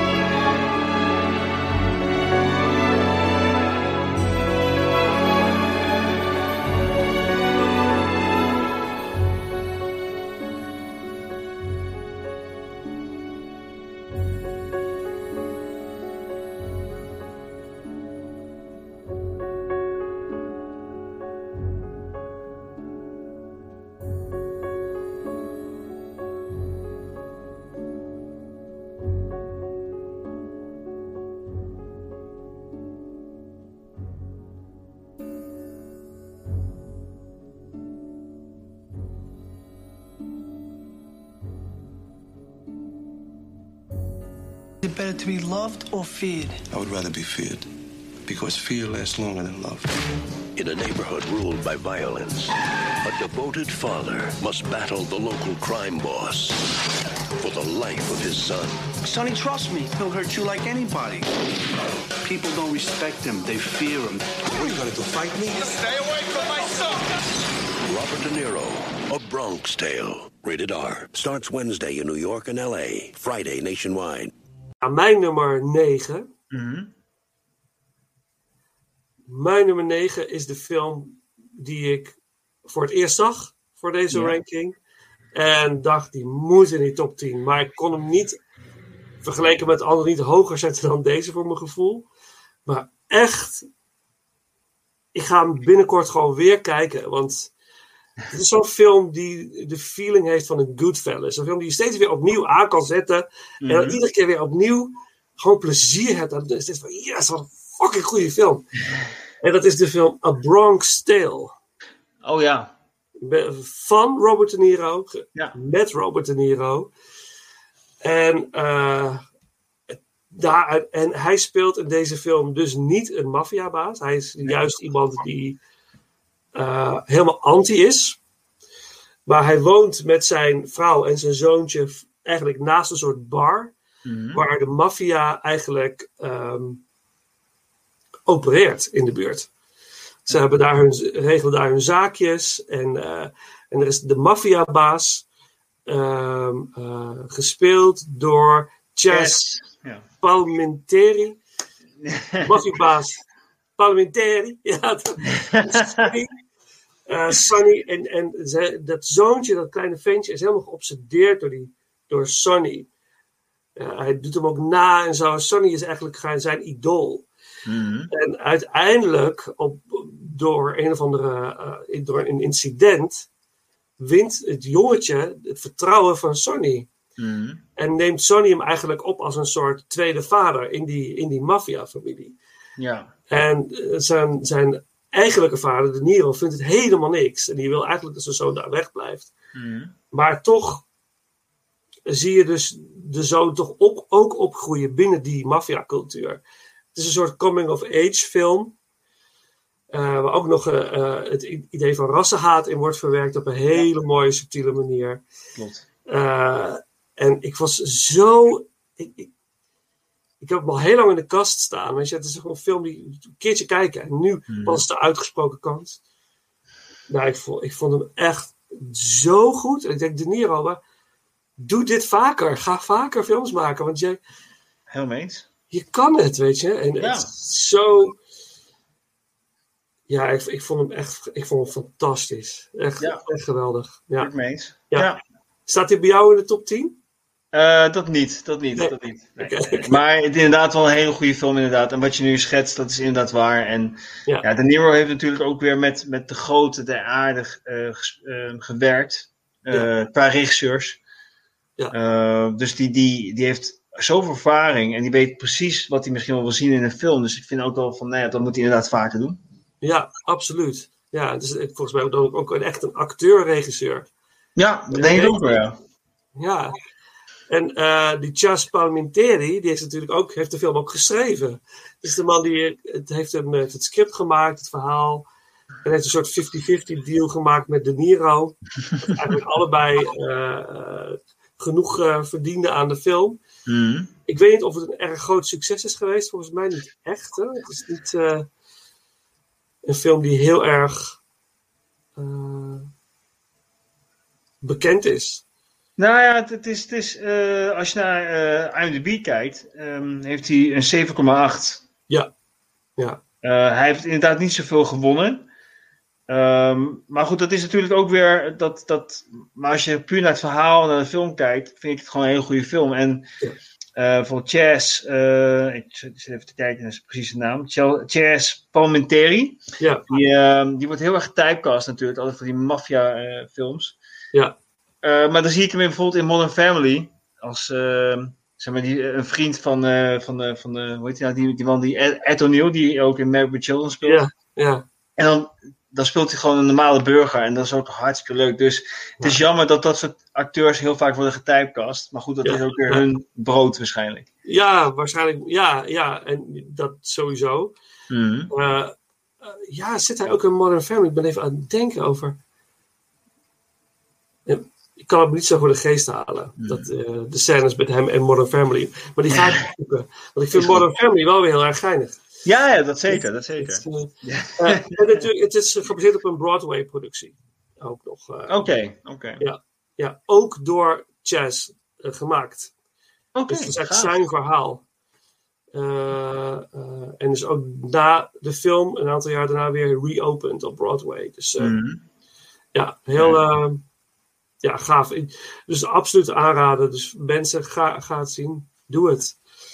Je zult er geen spijt van hebben. Als je van films als Godfather, Goodfellas, als je die vibe, als je daarvan houdt, is dit wel echt eh, een heerlijke, een heerlijke film. Helemaal mee eens. Alright. Go, jouw nummer 8. Mijn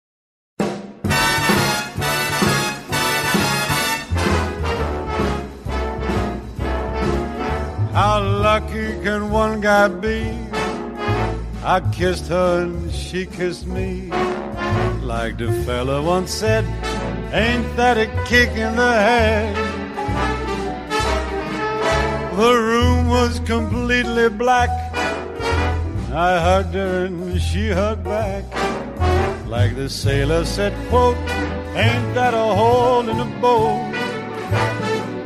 My head keeps spinning.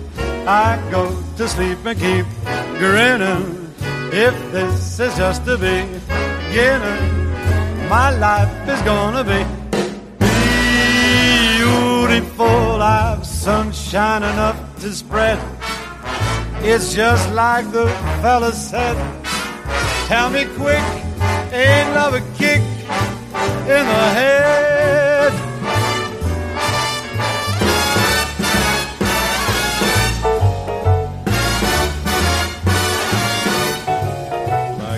Fellow once said, ain't that a kick in the head?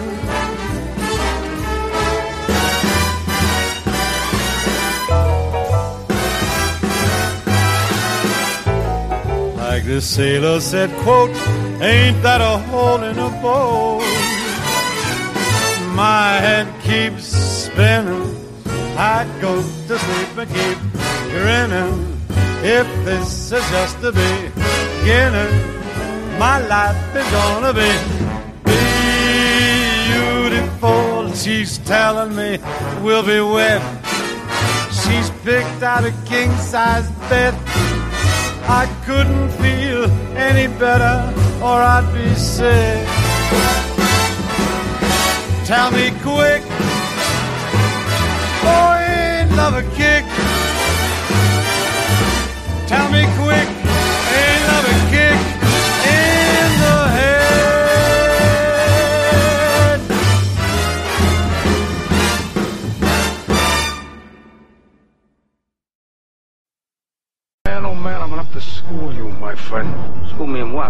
Price guy never carries his money in a wallet. Always in a roll. Leaner on the outside. You gotta get rid of that mustache.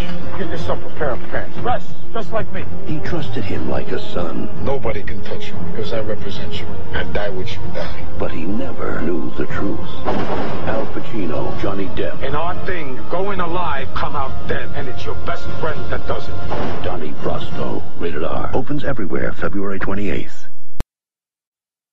Mijn nummer 8 is ehm, Donnie Brasco.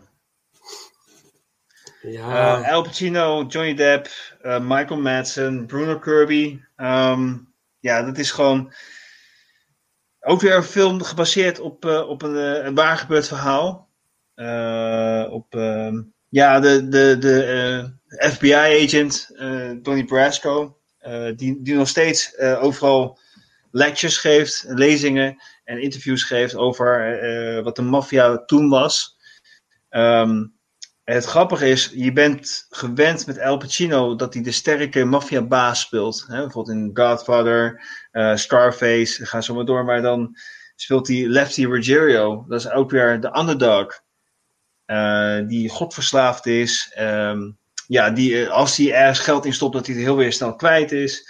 Ehm, en ook weer heel verrassend Johnny Depp. Ehm, die normaal altijd eh, van die bepaalde films maakt met eh, Tim Burton. Maar dan, dat was eigenlijk voor mij een van zijn eerste grote maffia-rollen.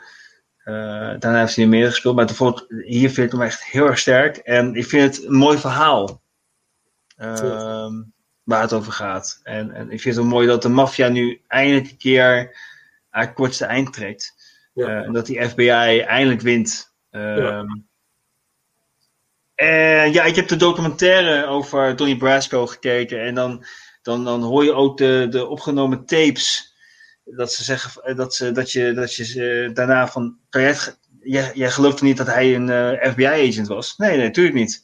En dan later worden ze één voor één afgemaakt, natuurlijk, omdat ze een rat in de organisatie hebben gehaald. Maar niemand kon geloven dat hij echt een FBI-agent was. Maar ja, die film, dat, dat vertelt wel ehm, wat de maffia rond die tijd was. Ja, hey, maar je zegt de documentaire, eh, is die op YouTube toevallig te vinden? Of, oh, dat moet ik zeker gaan zien. Met echte authentieke opnames die Brasco heeft gemaakt destijds. Klopt. Toen die undercover was. eh, oh, dat is wel gaaf zeg. Ja, telefoongesprekken, dat met Lefty. En eh dan wordt heel veel gebliept natuurlijk, van fuck dit en fuck dat. Maar ik bedoel van, ook met, met Sonny, Sonny Red en Sonny Black, die de gesprekken die hij heeft gehad, dat hebben ze allemaal in die documentaire eh, gegooid. En ehm, ja, dat is echt heel erg indrukwekkend. Ik denk dat ze daar vooral ook heel veel eh, research eh, voor hebben gedaan op die manier. Mhm. Ehm, maar als je van de Lefty kijkt, ehm, de echte Lefty, Al Pacino lijkt echt sprekend op die man. Het is echt Ja? heel raar, ja. En het is, ehm, ja, ze hebben het wel geromantiseerd uiteindelijk. Eh, wat in de film, dat is misschien een spoiler, maar in, in de film wordt Lefty eh, doodgeschoten. En het is, het is een hele mooie scène wat eraan vooraf gaat, dat, voordat Pacino doodgaat. Eh, maar eh, in het echte verhaal is het zo van dat Donnie Brasco ervoor heeft gezorgd dat de politie Lefty heeft opgepakt. Omdat ze bang waren dat ze hem zouden vermoorden. Ja. En Lefty heeft eigenlijk totdat, ze, totdat zijn dood in de cel gezeten en heeft nooit de code, Costa Nostra, de code ja, verbroken. En die heeft nooit iets over zijn collega's verteld. Eh, dus dat was een, echt een, eh, een, een, een ouderwetse maffiaman. Maar ja, dat hebben ze dus wel geromantiseerd. Maar het is, ja, het is een tragisch verhaal. Ja, ja, wauw, ja. In die documentaire moet ik echt gaan kijken. Ja. Hij staat niet in mijn top 10. Mhm. Ook, het was ook in, in, in de- zo'n lastige ranking was het ook weer. Van wat ga je erin, wat niet. Ik ben wel erg onder de indruk van de film. Prachtige Mhm. rol van Pacino inderdaad. En ook als ze reizen naar, eh, eh, gaan ze naar Florida of Miami of zo, gaan ze dan Ja. gaan ze die club opstarten. En dan Lefty heeft allerlei plannen. En er wordt, loopt, alles loopt in het honderd bij die man de hele tijd. Klopt. Hij zit- het, lijkt hij heel ver te zijn. Eh, en hij ziet er voor zijn ogen allemaal instorten de hele tijd. En, Ja. en als inderdaad, dan wijst die Donnie Brasco die Depp weer, we- weer af. Van eh, I don't like you anymore. eh, I don't want you in my life anymore. En uiteindelijk omarmt hij hem toch weer. Want hij heeft, hij heeft het toch nodig. Want Ja. zonder dat kan hij niet bestaan voor zijn gevoel. Klopt. Zoon die een lage wal is. Prachtige scène. Die, die, geweldig. Dat heb ik nog een stuk keertje teruggedraaid. Dat hij, dat hij met kerst geeft hij geld aan Tony Brasco als cadeautje. It's for you. Eh, doe er wat leuks mee. En dan aan het einde van die kerstavond gaat eh, Donnie Brasco, die, hij gaat weg. Mhm. En dan zegt Lefty, oh, wacht, heb je misschien nog wat geld voor me? En zegt, ja, je hebt in je binnenzak. En dan pakt hij het weer terug. Ja. Ik zeg, I'll pay you back. Ja, ik- Hij, hij zegt het ook, nee, nee, je hebt het daar in die zak gestopt. ja. ja. ja. Fantastisch. Ja, heel, heel bijzonder. Heel bijzondere film. Ja, mooi. En ik, ik moet, ik moet zeker die documentaire gaan kijken, want ik ben hier wel heel nieuwsgierig geworden. Mhm. Om echt. ehm, nou, Pacino, inderdaad, de underdog. En ik vind het bij Pacino altijd zo, zo bijzonder dat hij. Soms kan hij, kan, hij, kan hij natuurlijk way over de top gaan. Ja. Maar ook dan blijf ik hem nog steeds goed vinden, eerlijk gezegd. Daar kan ik nog steeds van genieten. Maar Het is gewoon Pacino. ja, de laatste monoloog in Devil's Advocate bijvoorbeeld vind ik echt Ja, boah, geweldig. speelt hij ook Maar- heel goed, ja. Is het ook een inspiratie voor jou dat voor mij is het een grote inspiratie geweest eh, toen ik ging acteren. Over, Ik zou wel een klein beetje dat willen benaderen, hoe hij dat doet. Ja. Ik heb één keer een regisseuse gehad, die heeft mij echt tot op de grond afgemaakt. En vervolgens weer helemaal geshaped eigenlijk. Ik moest een Mhm. bepaalde rol spelen. Ik moest de rol van een kind spelen, maar ik ben natuurlijk geen kind. En je bent er heel graag, als je kind moet spelen, ga je kind doen. En dan moest ik helemaal leren loslaten. En zo kwam ik heel dicht bij een heel natuurlijke spel. En eigenlijk heel weinig te doen, dat iedereen je gelooft. Dat was een waanzinnige les is dat geweest voor mij Mhm. in het acteren. Maar dat, dat zie ik bij Pacino altijd zo mooi. Van, ik zie meteen, dat is Al Pacino. Mhm. Maar gedurende de film ben ik dat helemaal kwijt. Dan volg ik helemaal zijn karakter. Dan geloof ik, ik geloof gewoon wat hij doet. Klopt. En dan vooral als hij heel ingetogen is en niet zo heel veel doet, dan denk ik van ja, maar ik, ik weet niet wat het is. Ik zie Al Pacino, maar ik voel dat je iemand anders bent. En ik ga mee in dat. Ja, dat is Heb je waar. dat, heb je dat ook? Haal je daar inspiratie uit als jezelf?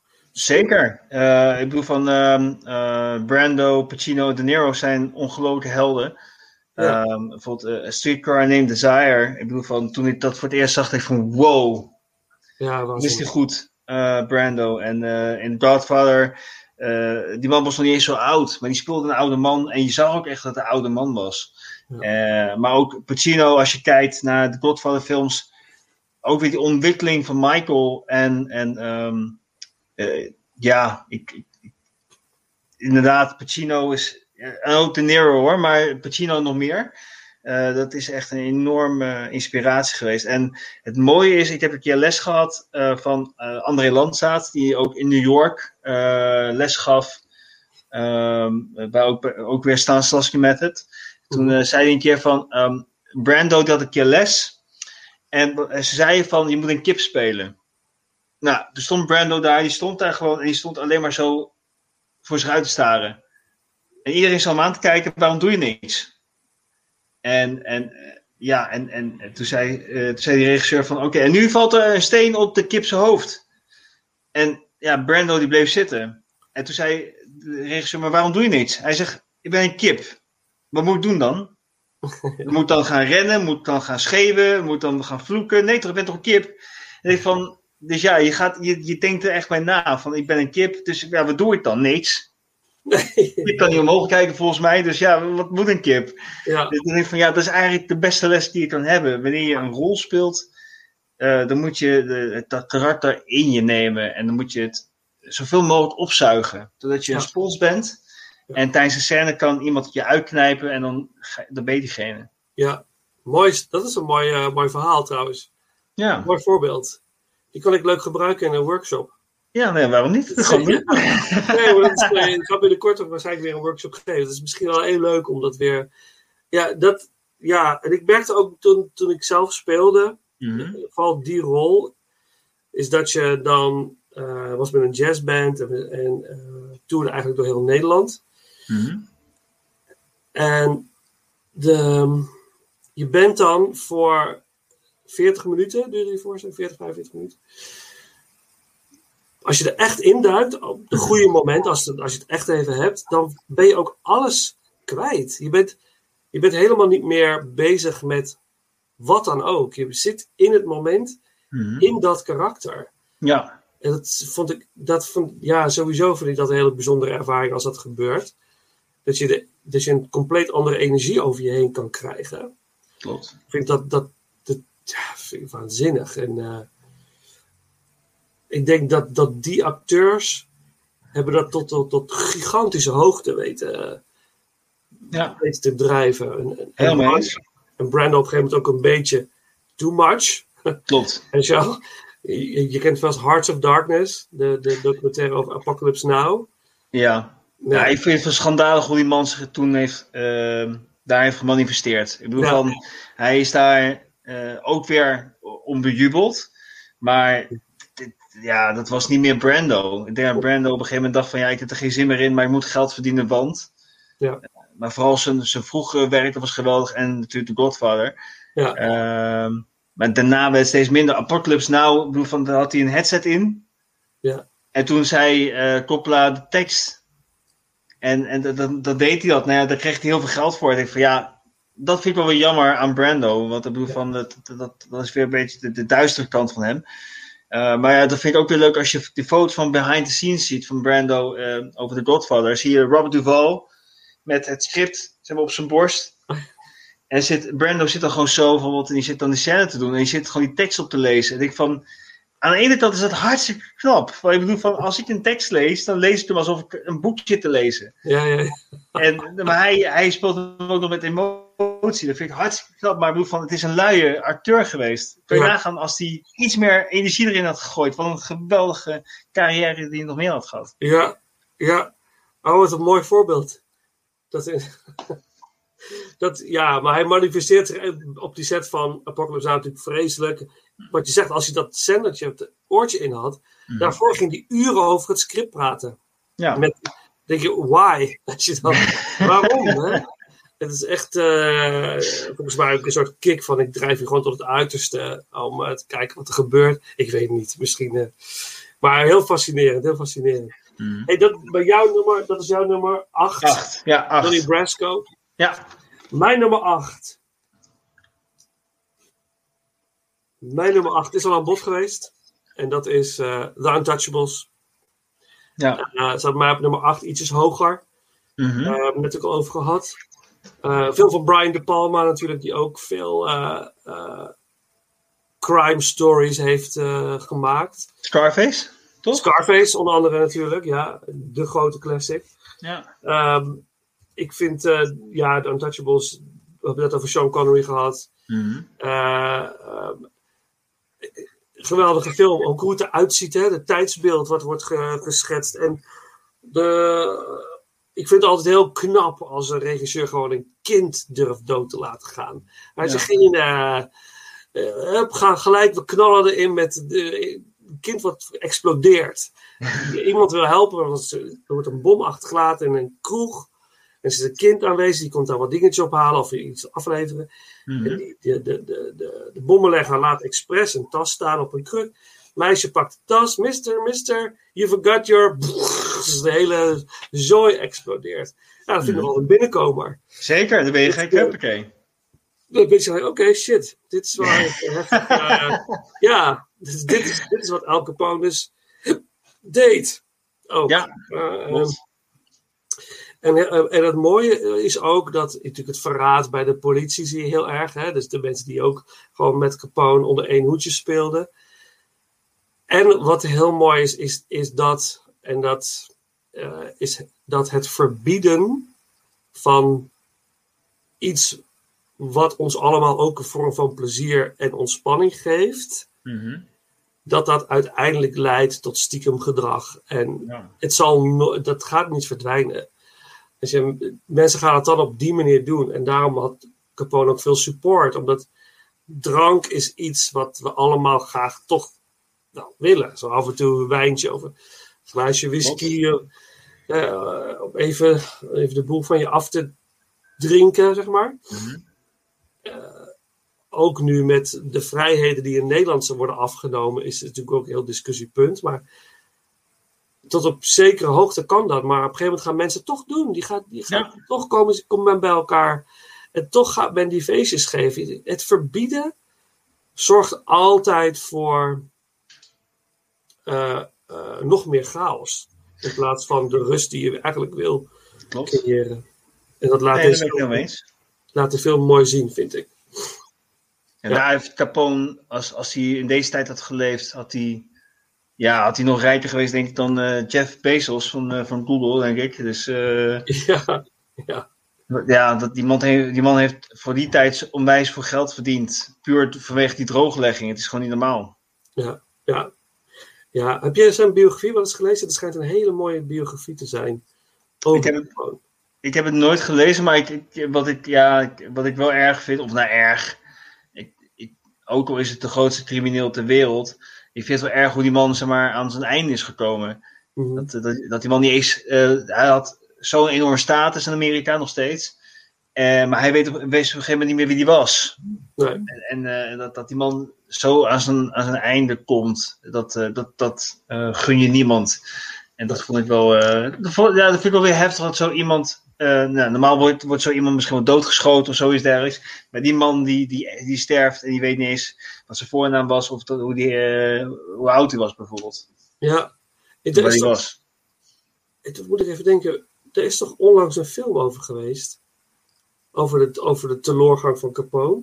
Oh, dat weet ik niet, dat weet ik niet. Tom Hardy niet. Ik ga het opzoeken. Oh, dat, ja, Tom Hardy, klopt, die heeft inderdaad Capone gespeeld. Ja, Maar, ik heb hem niet gezien hoor. Maar Ik ook niet, ik denken. En volgens mij gaat dat juist over die. Over dat waar jij het over hebt. De, die telo- de, de, de, de downfall, zeg maar. mhm. Uh, maar ook een fenomenale acteur ook. hè. Uh, Tom Hardy. Mm, ja, zeker. Even kijken. Wat uh, ja, hij heet Capone gewoon. 2020. Oké. Nou, dan is dat inderdaad misschien nog even het waard om nog even te kijken. 4,7 krijgt hij. Oh. oh. Oké. Nou, misschien toch maar niet. maar misschien inderdaad dan met een goed glas whisky. dan, uh, dat ik dan. Uh... Oh god. Ja, nou ja, goed. Misschien is het de moeite waard. Uh, maar nog meer over Untouchables. Ja, een mooie, mooie bad guy in zijn witte suit. Die Mm. de, de handlanger van Capone, die eigenlijk al, alle zaakjes regelt. Uh, de, de scène in, het, in de train station met de, met de kinderwagen van de trap. Ja. In die dilemma zit, moet ik de vrouw helpen met de, met de kinderwagen die, die aan, moeilijk aan doen is om die trap op te komen, die een trein moet halen. Of, maar er komen ook bad guys binnen. En ik, ja, maar dat is, ik kon het niet laten, maar ik moest het echt uitschakelen toen ik hem aan het kijken was. Naked maar Gun. je hebt in de Naked Gun, Ja, ja. met een derde, zit daar ontzettend slechte Met O.J. Simpson dat die kinderen opvangt. Als Ja, ja, ja, ja, ja. Naar de voetbal, ja. ja, ik, ik heb precies hetzelfde. Ik kan het niet meer zien. Ik kan niet meer, ik kan het niet meer niet zien, zeg maar. Dat klopt helemaal. Ja. Maar gelukkig, jij kan ook lachen om Naked Gun uh, humor. Ja, het is heel erg flauw, maar ik vond het wel grappig inderdaad om die film Ja. te kijken. Het zijn meestal de mannen die het leuk vinden. Hè? Dat is echt mannenhumor. Eh, ja. maar los van daarvan, eh, ja, natuurlijk fantastisch. eh, zeg, Andy Garcia is geweldig. En eh, ja, als je het niet gezien hebt, ga ik, ja, eigenlijk moet je alles gaan zien. Wat je niet gezien Ja. hebt, waar we het vanavond over hebben. Zeker. Eh, zeker. en eh, ja, dus eh, dat is mijn nummer, eh, nummer 8. Oké. Nou, dan eh, gaan we naar nummer 7, denk ik, of niet? I love the way you love to live. You love life. Your inspiration. I love the way that you give. Your heart so freely. Your sweet sensation. You're my invitation to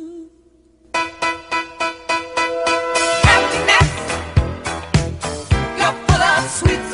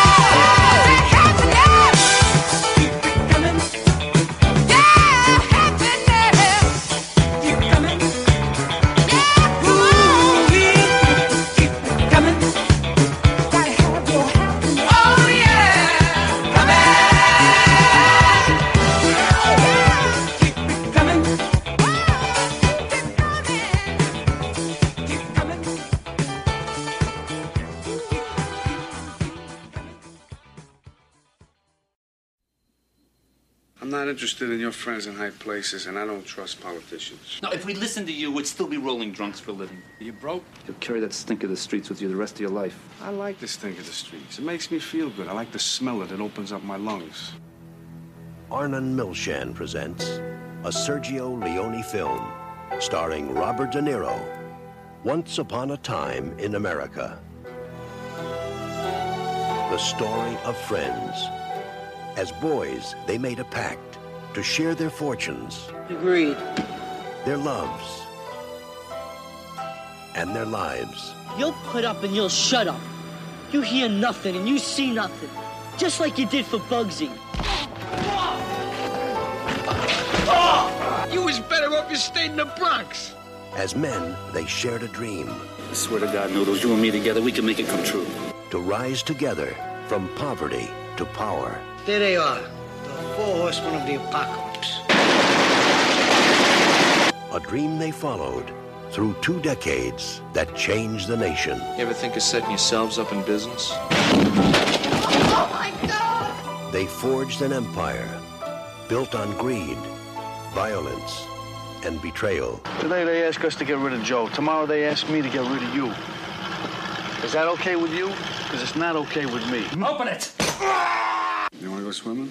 Yeah, let's go for a swim. We're gonna need you guys today. You're the only person that I've ever cared about. Maybe Sharky was right. Maybe I ought to just dump you. He's gonna do this. He's gonna do it with or without you. It began as a dream. It grew to an empire. It ended as a mystery that refused to die. Robert De Niro, James Woods, Elizabeth McGovern, Joe Pesci, Burt Young, Tuesday Weld, and Treat Williams in a Sergio Leone film, Once Upon a Time in America.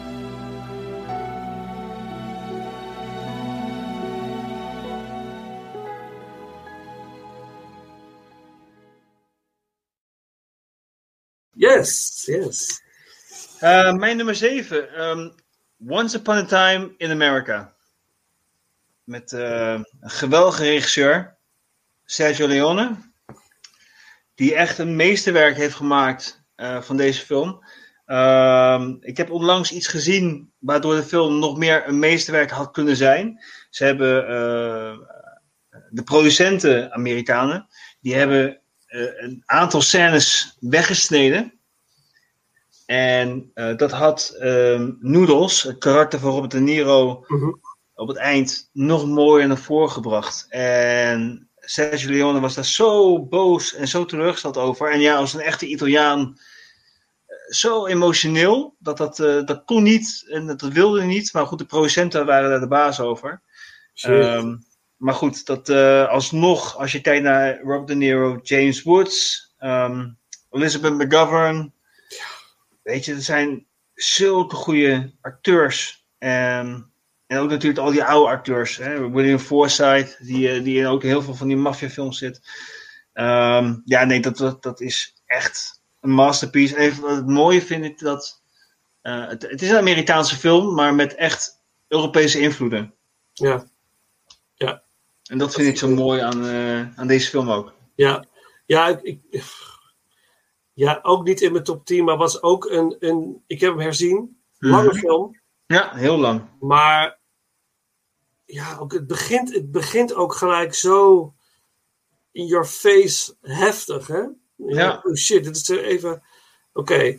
Eh, en, en natuurlijk, het is een epic eh, film. Het vertelt Mhm. eigenlijk... Een, eigenlijk gaat het over De Niro die, die teruggaat naar zijn oude plek... en eigenlijk geconfronteerd wordt met zijn verleden eigenlijk. Heel Ja. simpel uitgelegd. Mhm. Maar eh, wat ik ook heel mooi vond aan de film is de soundtrack weer. Eh Ja. Ennio Morricone is Gigantisch. ja, een beetje de vaste componist bijna van Sergio Leone natuurlijk. Maar het is zo... ehm, eh, die herkenbare thema's. Mhm. Ik, ik, ben, ik ben daar heel gevoelig voor. Dat Als, ik, onthoud het ook allemaal. Ik ben een soort autistisch wat betreft filmtitels en filmmuziek. En Ik weet niet wat dat is, maar het, Ja, dat blijft ja, allemaal precies. hangen. Ik weet niet wat, waarom. maar, maar, eh, ja, pra- prachtig, prachtig. Mhm. Heel, Ja. heel mooi. En als ik het zo hoor, dan denk ik, ja, heb ik dan weer spijt van dat ik die helemaal niet in de top 10 heb gezet. Maar Je moet een keuze maken. hè? je moet een keuze maken. ja, ja, ja. Episch gefilmd. Ja. Episch. Prachtig camerawerk inderdaad. En, dat die, die, het, eh, en de Chinese theaters zien ook aan het begin dat ze allemaal daar half stoned liggen te wezen. Het Klopt. leven te vergeten. Dat vond ik. eh, en toen ik, weet nog dat ik voor het eerst zag, de film. En als op een gegeven moment zegt die, die Chinaman zegt eh noodles, noodles, noodles.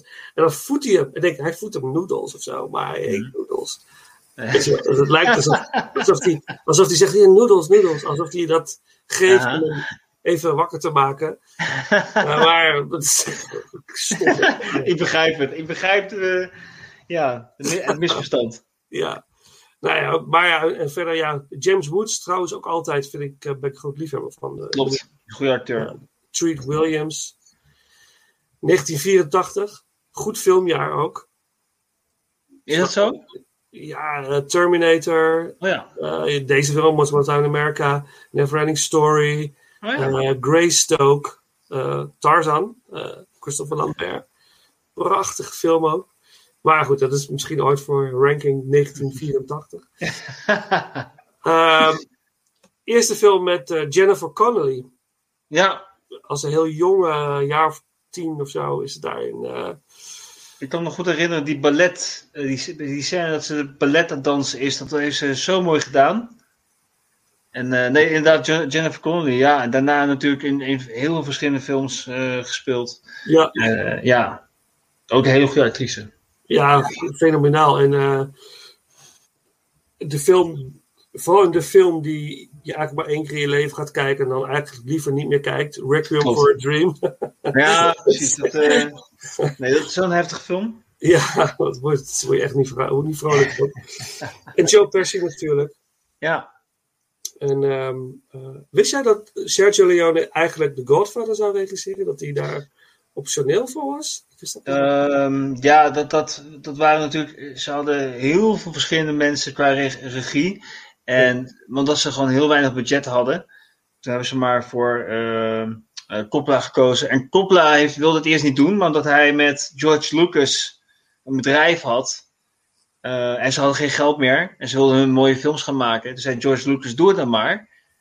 Eh, dan, ehm, dan kunnen wij verder met onze mooie producties. En ja, toen heeft hij natuurlijk, ja, daar gaan we het misschien wel later over hebben, maar daar heeft hij natuurlijk echt een masterpiece van gemaakt en heeft hij ook echt wel zijn zin door, doorgezet. En ik ben zo blij dat hij bepaalde keuzes heeft gemaakt al, Ja. eh, waardoor heel veel carrières eh, zijn gerezen dankzij die, dankzij die trilogie. Ja. Maar inderdaad, er waren heel veel opties, maar Sergio Leone had bij wijze van ook een hele goede optie geweest. Ja, ja.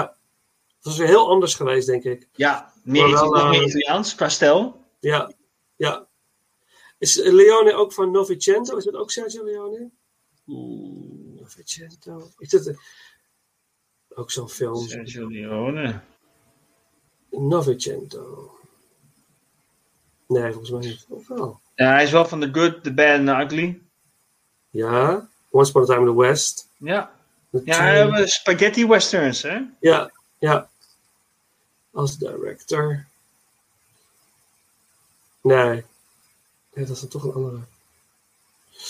Maar, dus, ja, oké. En ehm, niet zo heel veel films echt als regisseur gemaakt, zie ik ook nu op zijn lijstje. Inderdaad, die spaghetti westerns. Mhm. En dan een hele poos niks. En dan Once Upon a Time in America. En daarna weer helemaal niks, ja. Ja, dan weer helemaal niks. Ja, dat die man wel echt wel... ehm, echt wel een bepaald beeld had misschien van iets, waardoor hij... eh, eh, hij ging niet voor het geld, het was gewoon puur, denk ik, zijn passie. En op een gegeven moment dat hij misschien zo moeilijk is geworden, dat producenten zeiden van, ja, weet je, goede, art- een goede regisseur, maar zo'n vervelende man misschien. ja, weet. Ja, Ja. vooral als je, als je lastig wordt voor producenten, voor studio's. Kijk, naar Brando, want die, die moest echt een heel contract tekenen voor, voor Godfather. Dat, Ja. die, dat het zo'n lastige man was. Met allemaal eisen. En die eisen werden steeds meer. Steeds groter. En ik ja, daar hebben we gewoon geen zin meer in. En dat eh, is misschien ook met zo'n Sergio Leone misschien wel geweest. Ja, ja. Interesting. Ja. Is op zoek naar een docu over hem. Hé, hey, maar jouw, jouw nummer 7 is dus Once Upon a Time in America? Ja.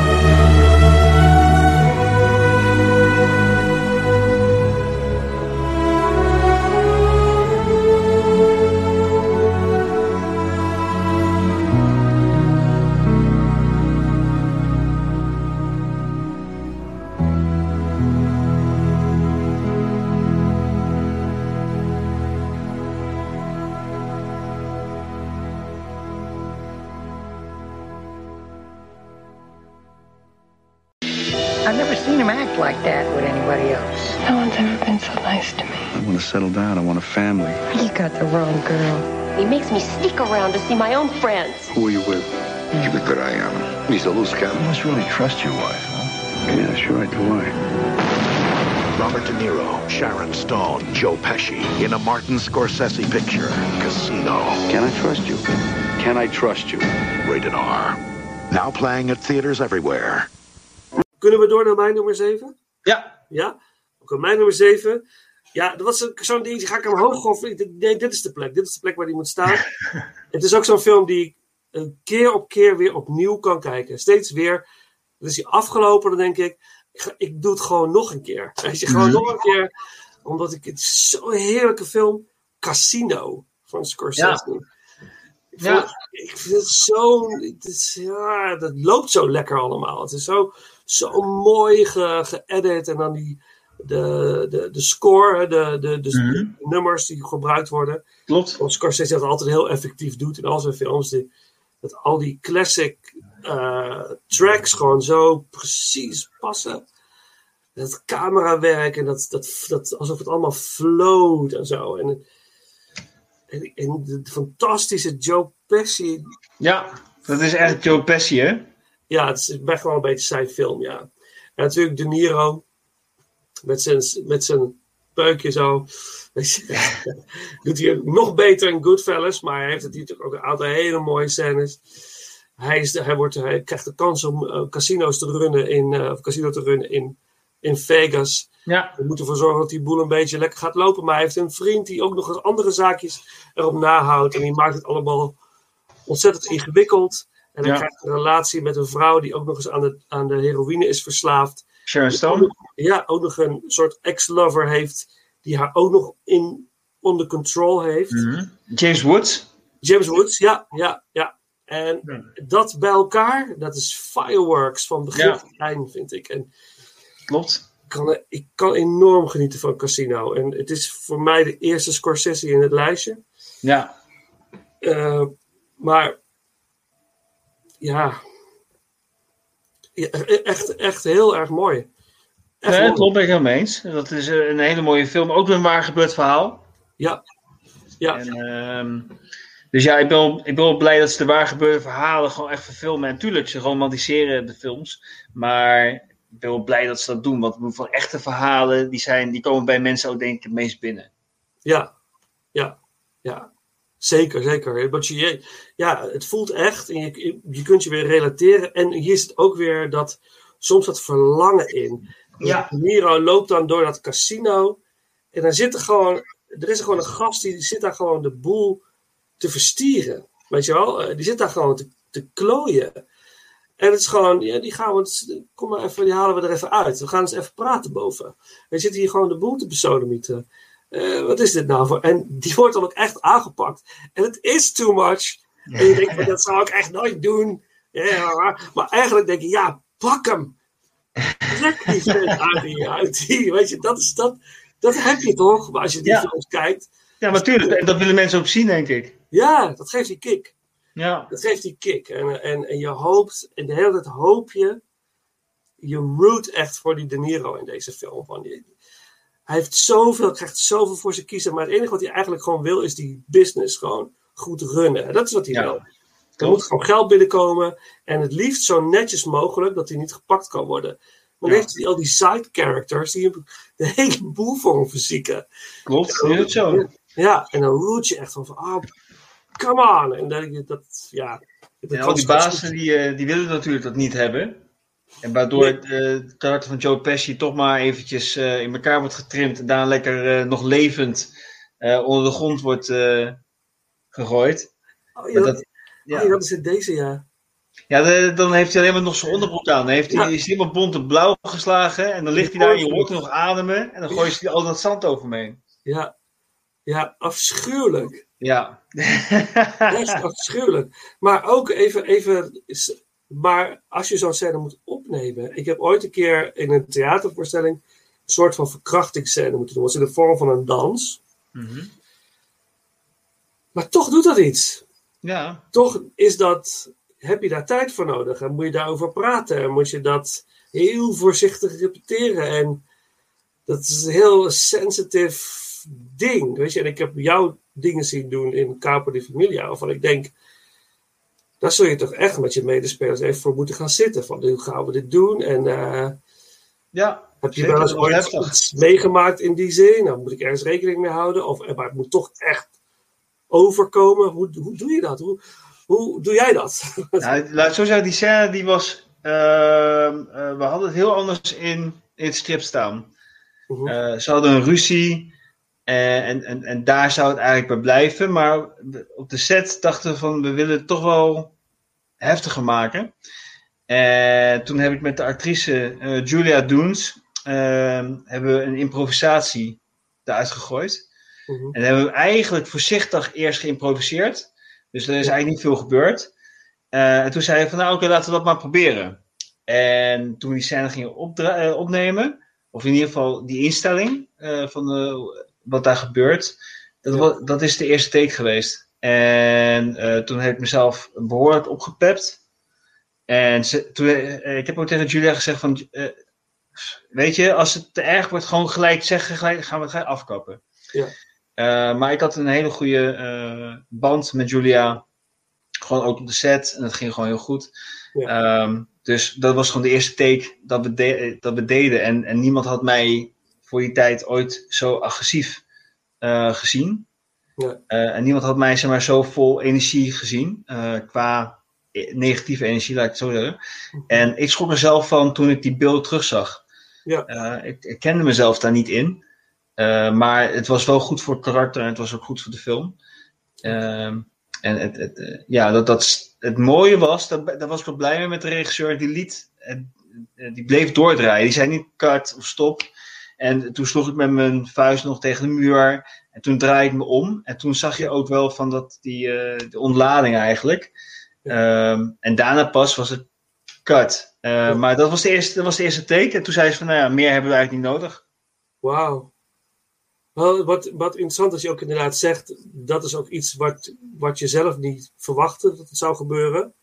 Ja. Maar dat, dat heb je als kijker ook niet. Nee. Je verwacht niet dat dat eruit komt bij dat karakter op dat moment. Hè, dus beheerste, de beheerste man. Ja. schaars met zijn emoties. En die dan ineens dat, eh, dat doet. Interessant is dat. Ja, die komt opeens heel erg eh, verrassend uit de hoek. En, en, Ja. en, en het mooie was, Julia wist wel een beetje wat, wat er ging ko- Of nou ja, ze kon wel een beetje verwachten wat er ging gebeuren. Maar eh, met, met die kracht en die snelheid. En, en ook met, eh, ze, ze, ze gaf ook aan met de blik in je ogen die je had. Ze zegt van ja, als je me nu had in elkaar had getrimd, had ik, eh, had niet anders verwacht bij spreken. Eh, je, je, je was heel agressief, maar goed, dat is ook weer acteren en dat is ook weer in, in de huid kruipen van. Ja. eh, van, van het karakter die op een gegeven moment dan zo. eh, want ja, mijn karakter is natuurlijk die alles onder controle heeft. En op dat moment heeft hij dat niet meer. Ja. En dan is hij machteloos. En, en ja, dan zie je dat opeens, eh, dat, dat opeens dat gebeurt. Ja. En het is zo mooi om ehm, eh, zo'n karakter proberen neer te zetten. En, en, en het is ook soms moeilijk om dan even weer uit die rol te komen. Dan moet je ook wel mensen om je heen hebben om dan weer even jezelf te zijn. Ja. Ehm, want ja, dat, is, dat, is behoor- dat kan behoorlijk heftig zijn. Ja, wauw. Gaaf.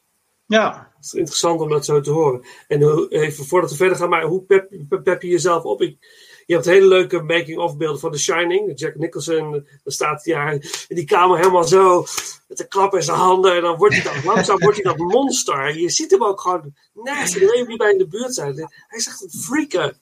Klopt. Maar dat zie je in die film, is hij ook gewoon helemaal wacko. Hij is helemaal, dus ik holy shit. Mhm. Die, daar moet je, die moet je echt niet in de buurt hebben. Maar hoe doe je, hoe doe je dat? Hoe, eh, hoe bereid je... Ik bereid me altijd voor in stilte. Mhm. Helemaal, ik moest niks of niemand... Moet ik dat om me heen hebben. Heel, laat me met rust. Mhm. Ik focus en dan gaan we. Ja. Maar hoe, hoe doe jij dat? Wat, wat is jouw... Ik doe het eigenlijk ook wel op die manier. Eh, als ik, als ik zeg maar, echt een bepaalde emotie moet neerzetten, dan wil ik ook inderdaad even met rust laten worden.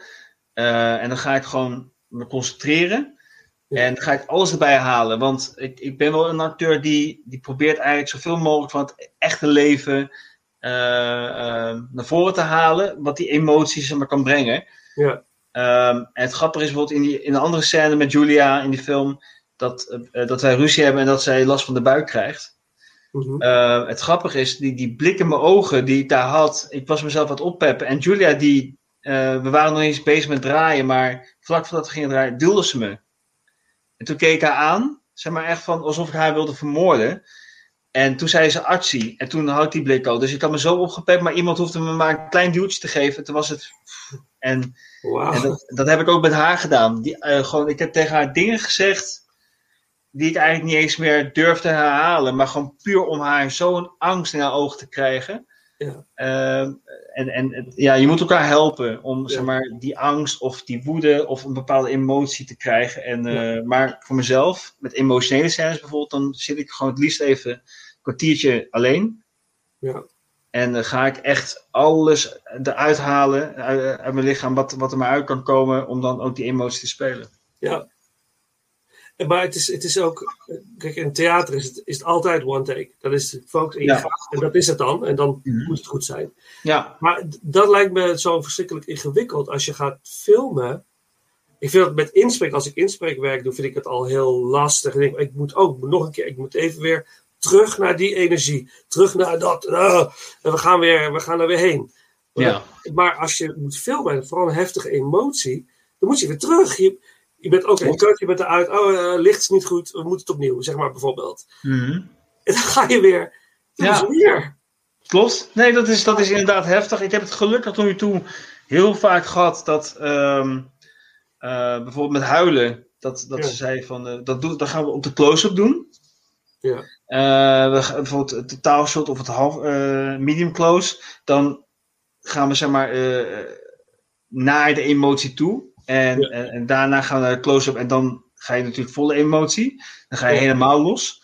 Ehm, maar inderdaad, je hebt helemaal gelijk. Als het dan niet goed is qua licht of geluid of wat dan ook, dan moet je gewoon weer terug naar die emotie. En eh, dat kon soms heftig zijn. En zelfs de beste acteurs die zijn soms dan even gewoon die emotie kwijt. Ja. En dan, moet, je even, dan moet je inderdaad weer gaan zoeken. Ja, ja.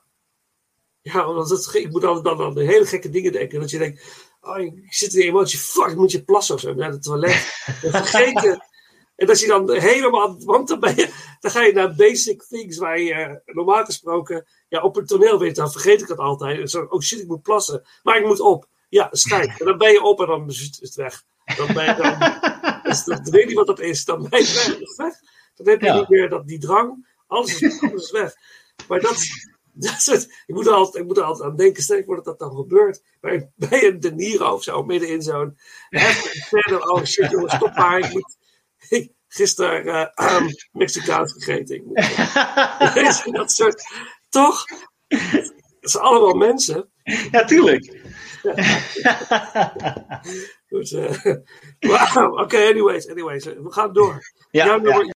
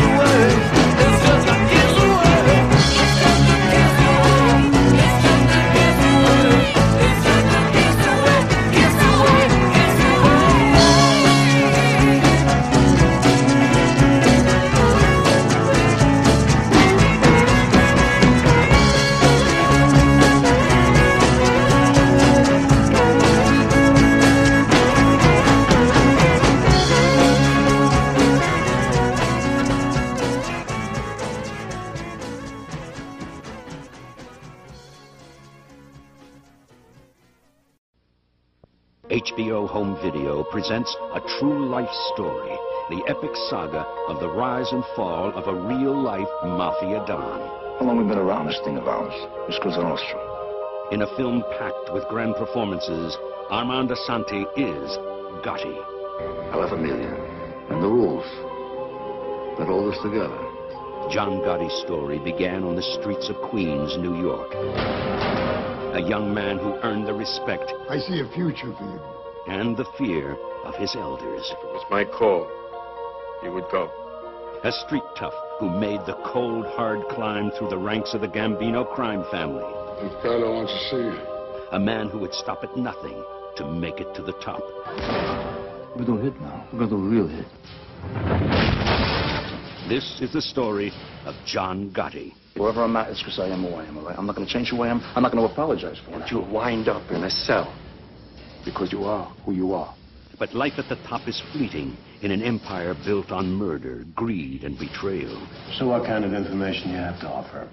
I'll give you the whole Cosa Nostra. He's sitting on top of a $500 million a year criminal enterprise. I want this guy. You break the rules, and this whole thing of ours cracks and crumbles. And in the end, there's no one to trust but yourself. Don't ever force my hand. Safe? There is no safe.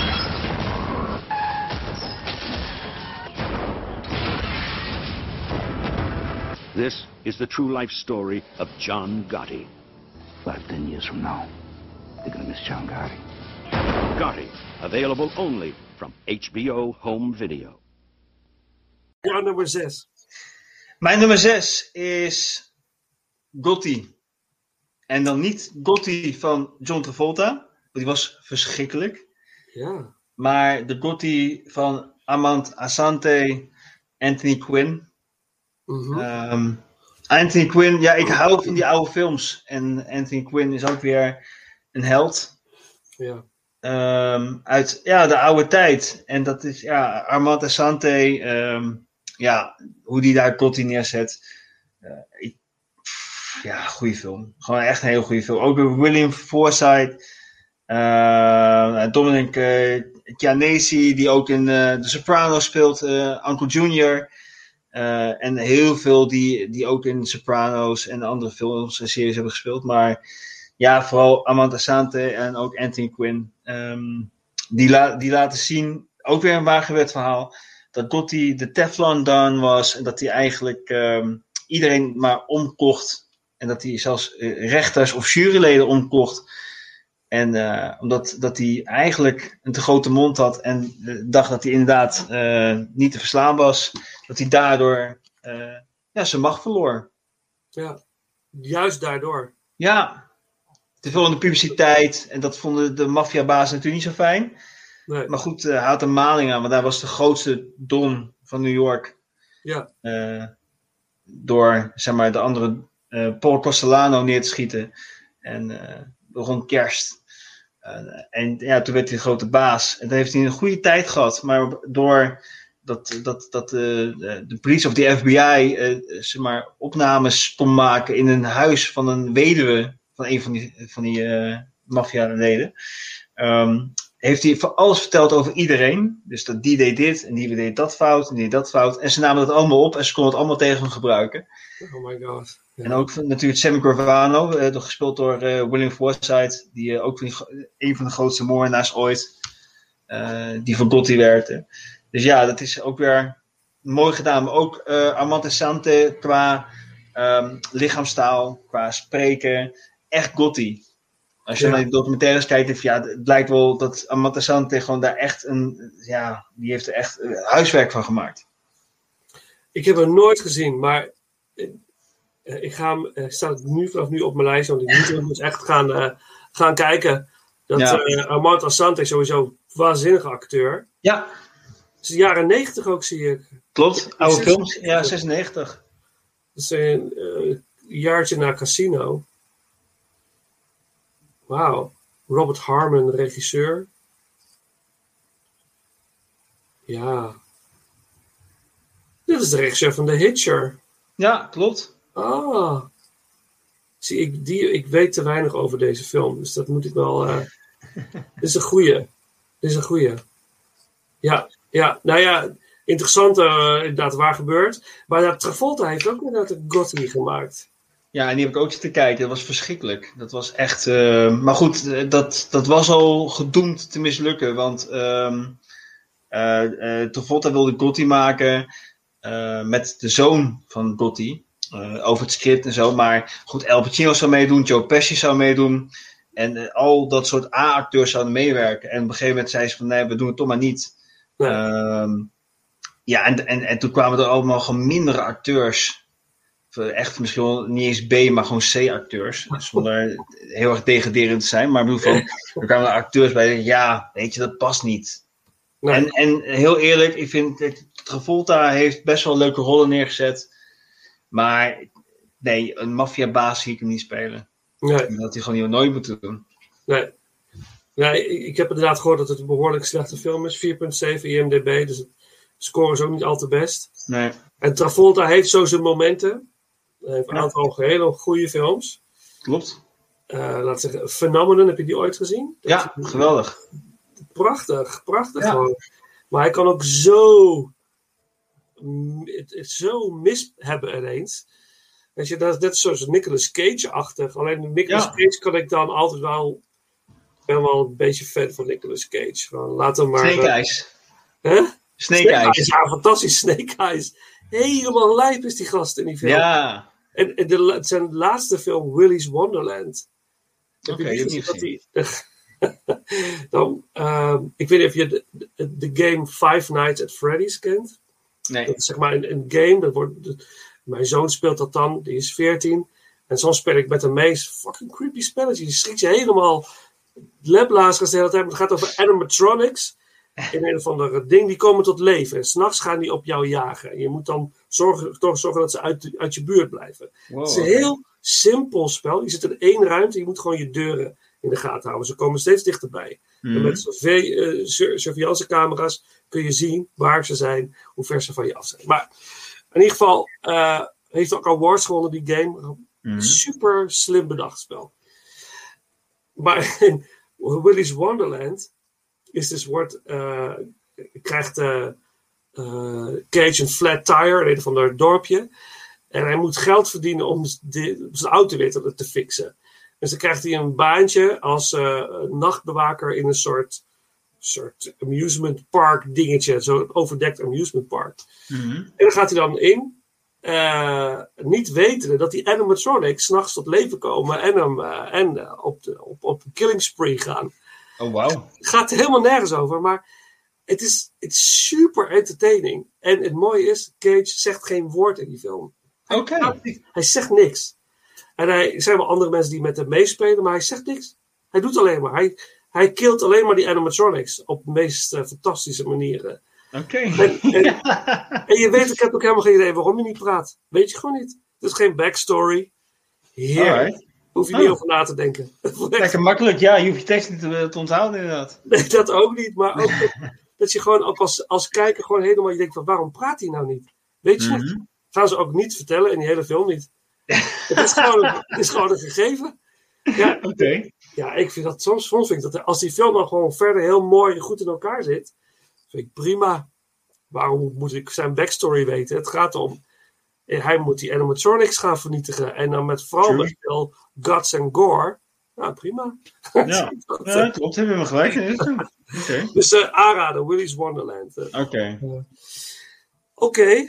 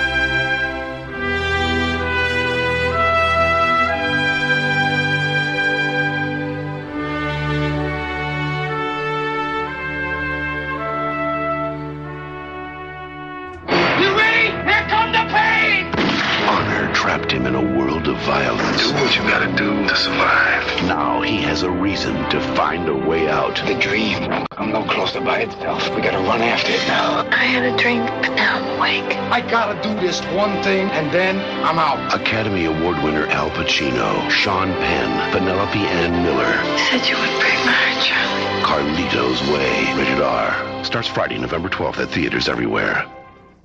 Jan nummer 6. Mijn nummer 6. ja, dat was een, een dilemma tussen twee films. Mhm. Er moest er één in één uit. Want de top 5 had ik al een soort van vast. Ja. En eh, toen was het The Irishman of Carlito's Way. Oké. En toen heb ik mijn stoute schoen aangetrokken, heb ik gekozen voor Carlito's Way. Omdat ik toch die film dan van de twee vaker ga kijken, vaker zal Mhm. zien. Ja. Ik vind, maar ik vind Pacino ook goed in Carlito's Way. Ja. De- Heel anders. Heel anders, ja. De, de man die uit de gevangenis komt, de, de, de, de, een boss, zeg maar, een Mhm. gevreesde maffia-man. Ja. Die eigenlijk nu zegt van, oké, weet je, ik ga ermee stoppen, ik doe het allemaal niet meer. Ik wil gewoon nu steady leven, ik wil wat geld sparen en dan ergens een bedrijf starten, ver weg. Maar dat gaat hem natuurlijk niet lukken, want hij wordt natuurlijk meteen weer in die wereld gezogen. En, eh, en het wordt één grote ellende. Maar die struggle van, van Pacino om maar zich, naar zichzelf en de omgeving te bewijzen dat hij het ook wel zonder kan.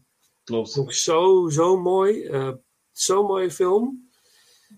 Brian Sean Penn ook, hè? Penn, ja. Kleinveld. Ja, als die advocaat. Ja. Ook heel verrassend. Ja. Verrassend goed eh, gedaan. Ook niet, niet too much aan overacting. Klopt. Heel, heel subtiel goed geregisseerd, denk ik ook. eh. Ja, ook Brian De Ehm, Palma. Ja, ja, Brian De Palma. Dus het- van die twee heb ik Carlito's Way gekozen. Eh, hoewel de Irishman ook meesterlijk is. Ja. Op, in, in, op, in zijn hele eigen manier. Mhm. Maar Carlito's Way, vo- ja.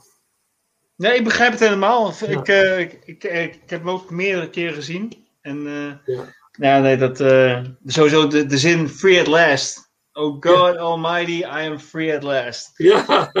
En dan wat er op het eind dan gebeurt, ja, heftig. Ja, ja, ja precies. Zullen we niet, dat zullen we dan weer niet spoilen. Nee. Als je de film niet hebt gezien, moet je wel niet al te veel over weten. Want Nee. eh, Anders, de eh, basics is duidelijk, maar wat er al, en hoe hij langzaam teruggezogen wordt in die wereld is. Het gaat heel subtiel eigenlijk. Maar hij, Ja. het- hij had gewoon nooit meer terug moeten gaan naar zijn oude buurt. Klopt, gewoon lekker weggaan. Ja, ja, weet je, dat is, maar ja, dat is ook weer, je maakt keuzes in je leven. Iedere er is een heel mooi YouTube-kanaal, heet The Pursuit of Wonder. Mhm. En die, die man die maakt hele korte animatiefilms met een boodschap. Levensvragen verwerkt hij erin. Heel interessant. En één gaat over keuzes. Dat je staat voor een keuze en er zijn eigenlijk al 30 vertakkingen, zijn er eigenlijk al. En jij gaat er één, neem je. En dat, dat is je route.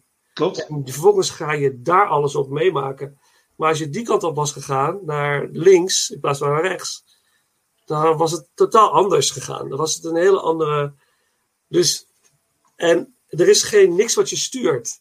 Snap je? Je Mhm. Nee, ik begrijp wat je bedoelt. Ja, het ja. Ik vind dat een heel Ja. interessant gegeven. En, Is het ook. en dit, alsof hij geen keuze had. Dit is zijn Ja. Wat hij ook probeert, wat hij ook doet, hij, steeds weer wordt hij teruggeduwd op dat pad waar hij niet op wil. Nou, heel mooi. Carlito's Way, yes. Top 5. Vijf, ja. Ehm,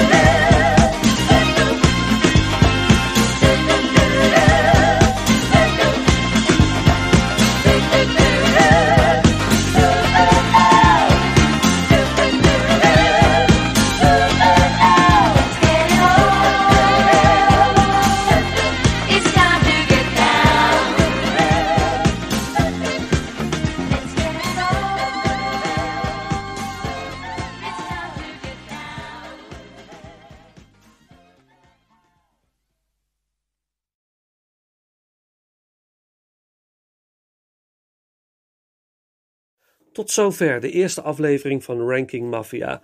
Omdat ik nog niet precies wist welke muziek ik ging gebruiken, nu even een kort overzicht.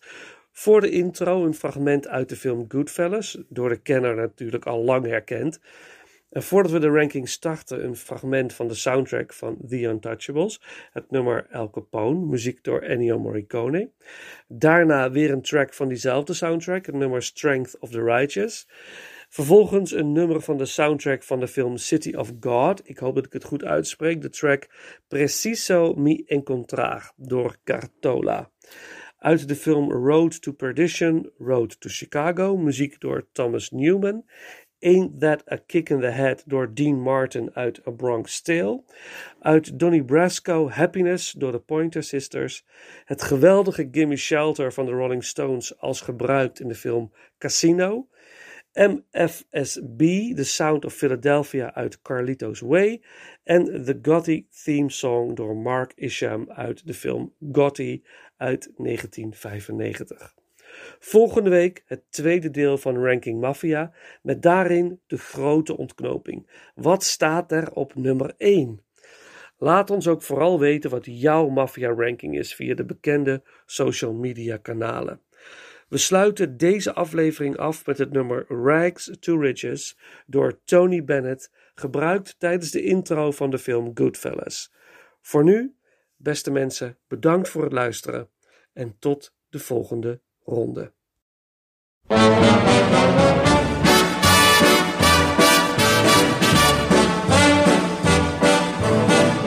I know I'd go from rags to riches if you would only say you care. And though my pocket may be empty, I'd be a millionaire. My clothes may still be torn and tattered, but in my heart I'd be a king. Your love is all that ever mattered. It's everything.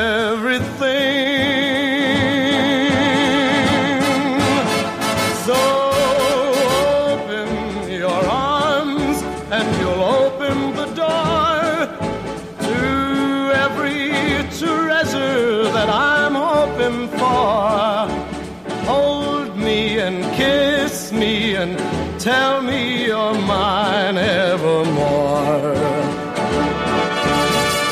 Must I forever be a beggar whose golden dreams will not come true? Or will I go from rags to riches? My fate is up to you.